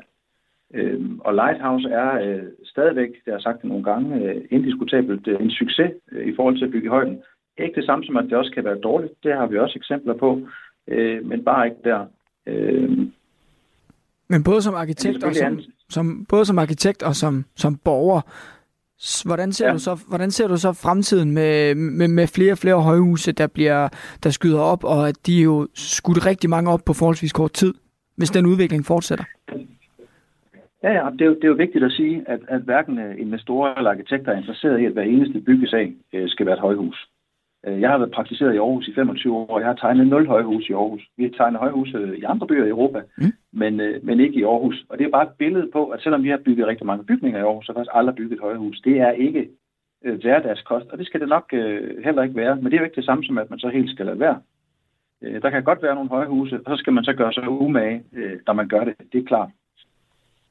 Mikkel, øh, vi når ikke mere af højhusdebatten her, men tak fordi du vil give dit besøg med. Det var så lidt. Ladies and gentlemen, welcome aboard this Northwest Orient Airlines Flight 305 with services from Portland to Seattle. En mystisk passager rækker en stewardesse en håndskreven seddel. Miss, you'd better look at that note. I have a bomb. Det handler om D.B. Cooper, manden, der plyndrer et fly. Han vil have 200.000 dollars kontanter. Hopper ud af det med faldskærm på og øh, forsvinder sporløst. Lyt med, når Krimiland genåbner sagen om den mystiske flykabrer DB Cooper i Radio 4's app, eller der, hvor du lytter til podcast. Det er den eneste uopklarede flykabring i FBI's historie. Radio 4 ikke så forudsigelig. Kong Charles har fået kraft. Sådan lød den nyhed, der i mandags ryttede øh, overskrifterne i England og i resten af verden i øvrigt. Men britterne de er også chokeret over, at kongens helbred overhovedet er blevet offentliggjort. Det er nemlig lidt af et nybrud, forklarer DR's korrespondent i Storbritannien, Tine Jarsen Knudsen. Det er ifølge hende meget sjældent, at det britiske kongehus deler intime detaljer om medlemmernes helbred, Særligt afdøde dronning Elisabeth var meget privat om helbredet. Selv da hun lå for døden, fik offentligheden kun at vide, at lægerne var bekymrede for hendes helbred. Men spørgsmålet er jo så, hvorfor det britiske kongehus nu vælger at være mere åbne om helbredet for kongen. Måske så vil det moderne kongehus gerne vise åbenhed, og måske så kan det være nødvendigt, hvis helbredet svigter så meget, at regenten ikke kan passe sit arbejde. Ja, det er jo spekulationer, men vi kender det jo faktisk her hjemmefra. For i Danmark, der fastslog dronning Margrethe i 2019, at hun ikke kunne forestille sig at abdicere, medmindre hun var meget syg, og det gjorde hun jo så. Lad os lige høre en lille bid af, hvad hun sagde om helbredet, da hun abdicerede under sin øh, nytårstale. Tiden slider, og dårligdommene bliver flere. Man overkommer ikke længere det samme, som man kunne engang. I februar i år gennemgik jeg en omfattende rygoperation. Den forløb, den forløb godt, takket være det dygtige sundhedspersonale, der tog sig af mig. Operationen gav naturligvis også anledning til at gøre sig tanker om fremtiden. Om ikke tiden var inde til at overlade ansvaret til den næste generation. Ja, efter den her noget spektakulære nytårstale, så kunne flere medier selvfølgelig ikke lade være med at spekulere i, om hendes helbred egentlig er dårligere, end hun gav udtryk for. Hendes helbred kan spille en stor rolle, en, øh, øh en større rolle, end hun gav udtryk for i talen, sådan siger kongehusekspert Lars Håbakke Sørensen, og kongehuskommentator Thomas Larsen mener, at helbred, helbredet for dronningen er under pres og øh, siger sådan her til DR, det er blevet tydeligt i kølvandet på hendes store rygoperation tidligere, at selvom hun er kommet tilbage, så har hun været klar over, at hendes helbred ikke var til at fortsætte. Men hvor øh, meget eller hvor lidt åbne kongehusets døre bør være, når det kommer til helbredet, det vil jeg altså gerne høre din holdning omkring. Bør kongehuset være fuldstændig åbne om sygdomme og helbred, eller en privat sag, man ikke behøver at dele med befolkningen, i hvert fald indtil det bliver så øh, skidt, at man måske kan passe embedet. Du kan være med i debatten på to måder. Du kan ringe på 72 30 44 44 eller sende sms'er. Det er på 14 24. Du lytter til Ring til Radio 4. Vi starter den øh, sidste debat for i dag i Kolding hos dig, Annette Hansen på 42. Ja, hej. Hej Annette. Synes du, kongehuset bør være helt åbne om øh, sygdomme og helbred? Ja, som udgangspunkt synes jeg, at det, det er fint, at de er åbne. Men jeg synes også, at det er meget vigtigt øh, i forhold til medierne, øh, at hvis det er noget, der skal ud til medierne, så er det, fordi det skal bruges til noget. Så det, som kommer ud fra kongehuset, altså hvad det er, der kommer ud derfra, er enormt vigtigt øh, når det er, man vælger at være åben. Øh, det skal have et budskab, fordi det kan, det kan gøre, som det jo også har gjort, befolkningen meget bekymret. Mm. Øh, og det, det kan på den anden side også øh, give et budskab, et budskab om, at tag det roligt, det skal nok gå. Ja, for vi vidste jo godt, at øh, dronningen skulle øh, opereres i ryggen, og det var en, øh, en stor, omfatte, opfattende operation, men så meget fik vi jo så heller ikke at vide om øh, følgerne deraf, indtil hun så i, øh, i nytårstalen sagde, at hun var nødt til at trække sig tilbage. Hvad tænker ja. du om det informationsniveau? Jamen, det synes jeg egentlig er fint, fordi jeg synes ikke, befolkningen skal have mere at vide, end det er absolut nødvendigt. Fordi når først noget er ude, så kan det ikke komme tilbage igen. Øh, så det er, der, der skal virkelig nogle overvejelser bag, hvad det, hvad det er, man siger. De skal kun have det absolut nødvendige at vide. Mm. Har du selv spekuleret i dronningens helbred, altså sådan efter hun abdicerede i forhold til, at hun, hun først øh, fik den her operation, lang tids øh, stillhed, eller i hvert fald forholdsvis stille, og så en abdicering? Øh, både, både ja og nej. Øh, men man tænker da lige et øjeblik, er det alvorligt nu? Mm. Men øh, samtidig med ved man jo også, at hun har den alder, som hun har. Øh, og det samme gælder jo også med, med Charles. Han har jo også den alder på 75 år. Øh, så man ved jo, der kan komme noget, og hun, hun, dronning Margrethe beskriver jo også selv, at det er svært at overkomme helt det samme som før. Mm. Øh, ja. Annette, tak for lige at sætte et par ord på øh, emnet her til en start. Jeg skal nok vende tilbage. Jeg vil også gerne høre øh, dine ord og tanker og holdninger. Synes du, kongehuset bør være åbne om deres øh, sygdomme og helbred? Eller er det en privat sag, som man ikke behøver at dele med befolkningen? Ring ind til mig, eller send mig en sms. Du lytter til Ring til Radio 4. Ring til os på 72 30 44 44 eller send en sms til 14 24. Og nu kan jeg byde velkommen til en, der ved rigtig meget om øh, det danske kongehus og også sådan, øh, graden af åbenhed, nemlig dig, Jakob Sten Olsen. Velkommen til. Tak skal du have. Kongehusekspert hos Berlingske. Hvor åbne bør øh, kongehuset være om øh, medlemmernes helbred, synes du? Jeg synes som udgangspunkt, at øh, alt hvad der handler om øh, sygdom, er selvfølgelig en privat sag. Vi kender det fra os selv. Øh, øh, der kan være ting, vi, vi fortæller vores øh, omgivelser om i forhold til vores eneste lægebesøg. Der kan også være forskellige grunde, nogle ting, som vi egentlig godt vil holde for, for os selv. Øh, den øh, ret, synes jeg, øh, man også må kunne påberåbe sig som kongelig. Men så kan der jo være nogle tilfælde, hvor man af forskellige årsager øh, øh, vælger at meddele sig. Øh, jeg synes egentlig, at øh, kong Charles, som jo så er en af grundene til, at vi snakker om det her i dag, øh, hans sygdom giver sådan set hele to grunde til hans sygdomsforløb i forhold til, hvad de, hvorfor man som kongelig kan øh, vælge øh, at gå ud og tale om sin, sin sygdom. I første omgang så var det jo sådan, at øh, han blev indlagt øh, på grund af en forstørret prostata øh, som han skulle have behandlet. Øh, og det var jo ikke noget i umiddelbart, øh, som øh, kong Charles egentlig havde behøvet at fortælle nogen om.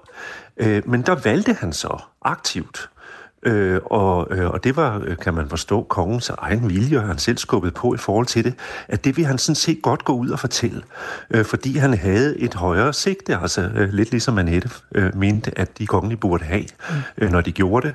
Øh, der havde han faktisk en idé, øh, og den idé gik ud på, at øh, prostatakræft øh, øh, rammer jo mange øh, mænd i den modne alder. Det er nærmest sådan lidt at sammenligne med kvindernes brystkræft, også fordi der man kan gøre noget ved den. Så han vil godt gå ud og sige, jamen, jeg har det her lidt tabubelagte, øh, som jeg skal øh, behandles for, øh, underforstået. Måske var der nogle andre, der også skulle gå hen i lægens venteværelse og blive undersøgt. Ikke? Så der brugte han det aktivt. Og omvendt kan man så sige, så fandt man så i den anledning øh, åbenbart en, en anden kræftform, øh, som kongen så er i behandling for nu. Øh, og der øh, var det nødvendigt så at gå ud og, og tale om den, uden at man går i detaljer med det, fordi øh, kongen øh, ikke vil være synlig i det offentlige billede mm. en rumtid. Øh, så for nogen ikke skulle spørge, hvor han er henne, jamen så følte man sig nødsaget til det. Man kan sammenligne det med Norge, øh, hvor kronprinsessen øh, på grund af den sygdom, hun lider, i, øh, øh lider af, øh, øh, indimellem øh, ikke er oplagt øh, og, og må blive hjemme. Og for at der ikke skulle opstå nogen mærkelige spekulationer om det, øh, så valgte Mette Maja altså at gå ud og fortælle offentligt om sin sygdom. Ikke? Øh, så det er sådan lidt mere tvunget omstændigheder. Men uden på nogen måde at negligere øh, kong Charles' øh, kræftsygdom, kan man så ikke også øh, risikere at skræmme en befolkning, hvis det her informationsniveau bliver lidt for højt?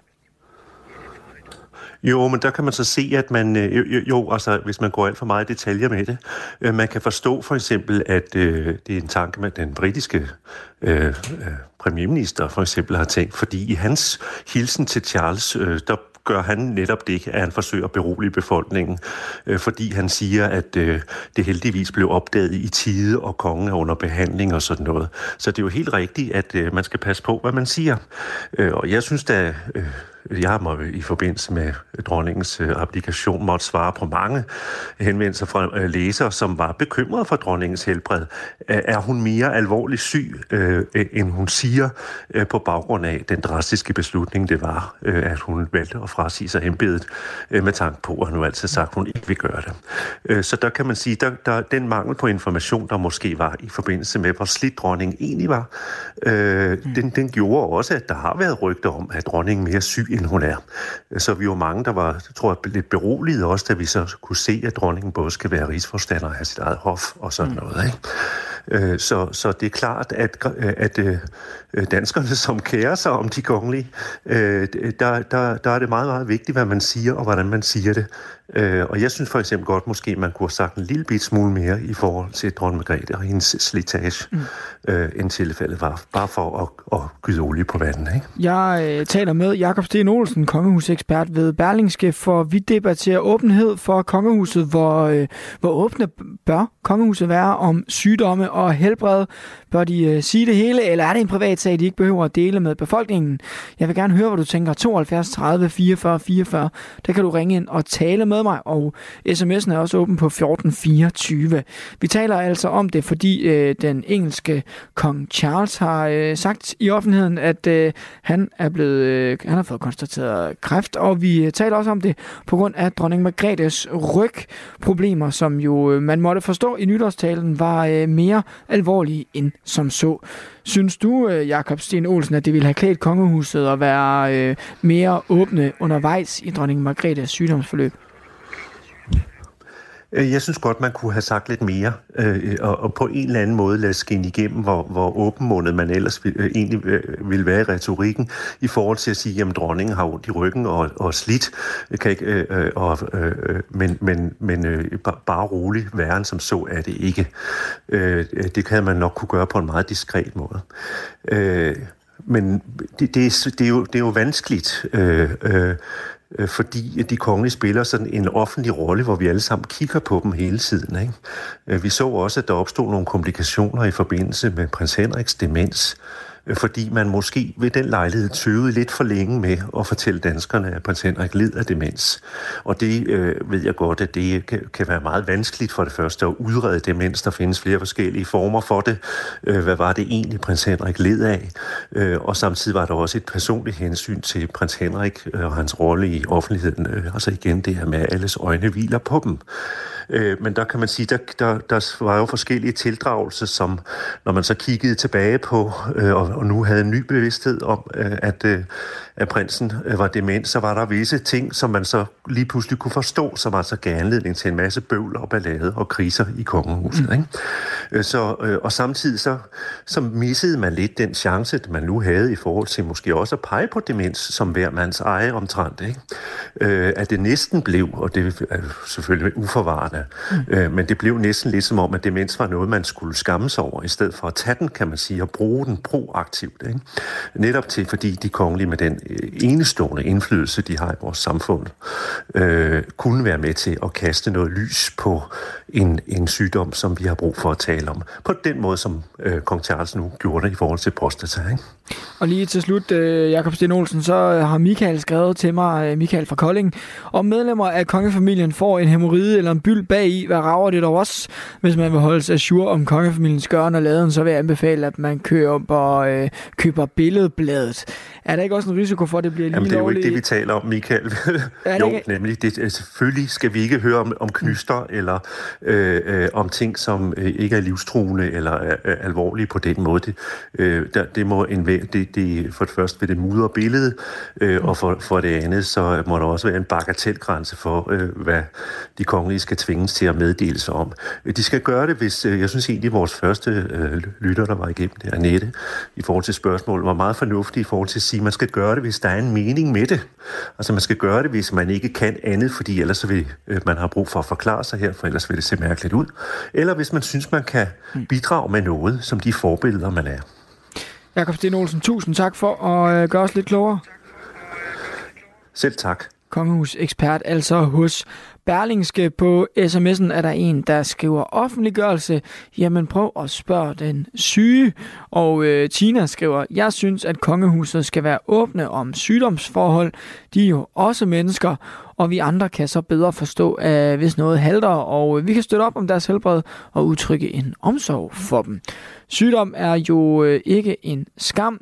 De fleste sygdomme er jo ikke selvforskyldt. Du kan altså også stadig nå at være med i debatten her. Skal kongehuset være åbne om sygdomme og skavanker og generelt helbred, eller er det en privat sag? Du lytter til Ring til Radio 4. Tak til København, og goddag til dig, Per, på 61. Goddag, goddag. Skal kongehuset øh, sige, hvis der er noget alvorligt i vejen? Altså ja, jeg synes på en måde, at det er en meget god idé at være transparent om det. Ja. Altså, jeg vil så starte med at sige lige, øh, lige omkring det med dronning Margrethe og ryggen. Altså, jeg, jeg, er, jo, jeg er jo helt klart øh, på det hold, der mener, at øh, hun abdicerede ikke på grund af ryggen, men på grund af fadesen i Spanien, ja. og så skulle ægteskabet reddes. Men det er der... Det, det er, det er vist øh, en anden sag, må vi sige, Per. Ja. Øh, men synes du undervejs, bare... det havde klædt hende at være lidt mere åben? Øh, Altså rygproblemer, ah, bare det, det synes jeg, at selvfølgelig kan rygproblemer være meget, meget mm. alvorlige, men de er sjældent, sjældent dødelige. Så jeg synes, at, at, at Charles, hvad hedder det, sygdom med kraft af en anden kaliber. Mm. Øh, jeg ved godt, at, at dronningen nu går med ryg, og altså, det vil også være forfærdeligt at se min rullestol, det siger sig selv. Øh, men jeg synes, det har været rimelig transparent omkring hendes rygproblemer. Men jeg synes derimod, den der med kraften, den er værre. Jeg har selv haft øh, flere familiemedlemmer, der er døde af kraft, og jeg er bekendte, der er døde af kraft. Men altså, det, det som der er, øh, er svært med kraften, det er jo fordi, altså problemet er, at den kan udvikle sig lynhurtigt. Mm. Men har vi... Altså, jeg havde, har jeg, havde en kusine, jeg havde en kusine, der fik det konstateret, og vi, vi var alle ked af det. Et halvt år efter hun død. Og hvad hedder det? Der, derfor det mener jeg, med hensyn til Charles, de siger, at han har konstateret det. Man kan komme sig over det. Det kan også være en død om et halvt år. Så jeg synes, det, er svært for, det vil være svært for dem at sige, hvor alvorligt det er. Lige præcis fordi det er kraft. Men har man som dansker eller englænder ret til at vide, at øh, kongen eller dronningen har kraft? Mm, det er, ja, ja altså det har, man har jo ikke krav på det. Det har man jo ikke. Altså, det er jo en privat sag, altså på en eller anden måde, selvom det er en offentlig institution. Altså, men jeg, jeg, jeg hælder nok til, at det er meget godt, de siger det. Mm. Men jeg synes ikke, man kan sige, at man har krav på det, før det måske er meget alvorligt, ikke? Altså, det, det synes jeg egentlig ikke, man har. Per, per, tak fordi du vil tale med mig. Jamen, det er da helt i orden. På sms'en der skriver IC, Kong Charles gjorde det, gjorde det helt rigtigt, men de strømmer åbenbart til lærerne for at få tjekket deres PSA-tal. Stor respekt til øh, Kong Charles, og øh, der har IC sådan set ret for... Øh, Kong Charles han satte gang i øh, søgningerne på øh, forstørret prostata. Spoler vi tiden her knap tre uger tilbage, så oplyste Buckingham Palace altså, at Kong Charles skulle øh, gennemgå en behandling for forstørret prostata, og øh, det satte brand i øh, Google-søgningerne i Storbritannien, hvor brugerne de vil have mere information om forstørret prostata. Ifølge den øh, britiske sundhedsmyndighed øh, NHS, som modtog deres underside om prostataforstørrelser 11 gange flere besøg dagen efter nyheden om kongens behandling. Det svarer til, at øh, en ny person øh, klikkede sig ind hver femte sekund. Og hvis vi tager en lille tidslinje over øh, kong Charles' forløb her, så startede det jo altså den 17. januar hvor Buckingham Palace annoncerede, at øh, kong Charles skulle behandles for en forstørret prostata den følgende uge. Herefter blev øh, kongen indlagt, og øh, ja, gennemgik den planlagte operation, og den 4. februar, der øh, viste han sig så off- offentligt for første gang efter behandlingen, og den 5. altså i mandags, der meddelte Buckingham Palace, at kong Charles har fået konstateret øh, kræft og er påbegyndt behandling. Vi tager til Greve og siger goddag til dig, Tina, på 58. Ja, goddag. Hej. Hvor, øh, hvor åbne skal, skal kongehuset være, når det kommer til sygdom og helbred? Jeg synes, det øh, er dejligt med åbenhed. Øh, øh, øh, altså, ja. selvfølgelig med, med modifikationer. Man skal jo ikke sidde og sige, hvis man er deprimeret, eller det ved jeg ikke lige, men altså sådan... Hvad får, hvad, hvad får vi som borgere ud af det egentlig? Øhm, man kan yde mere sådan omsorg. omsorg jeg skulle lige på radioen. Ja. Man, man kan yde mere omsorg over for dem og kan forstå... Øh, nu, nu snakker jeg lige om prins Henrik for det siden. Altså, det var meget rart, at man lige var blevet måske informeret, og så kunne man bedre ligesom, forstå hans adfærd, eller sådan, du ikke? Øhm, og man kan ikke, og, og, og man kan ikke argumentere for, at det måske kommer til at hvad kan man sige, skræmme mere end det gavner?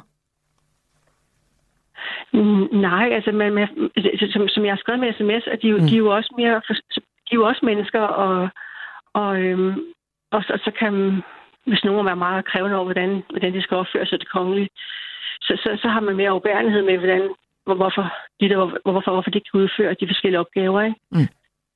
Øhm, Tina, synes, Tine, vi er ved at tør for, øh, for tid, og vi har også nogle lytter, der venter, så tak fordi du vil, øh, ja. vil tale med mig. Ja, selv tak. Okay. Og, og vi taler jo altså om øh, kongehuset, og øh, hvor åbne de bør være, når det kommer til, øh, ja, til deres helbred. Og det har du også en holdning til, Lene, på 78 fra Aarhus. Hej med dig. Ja, hej med dig.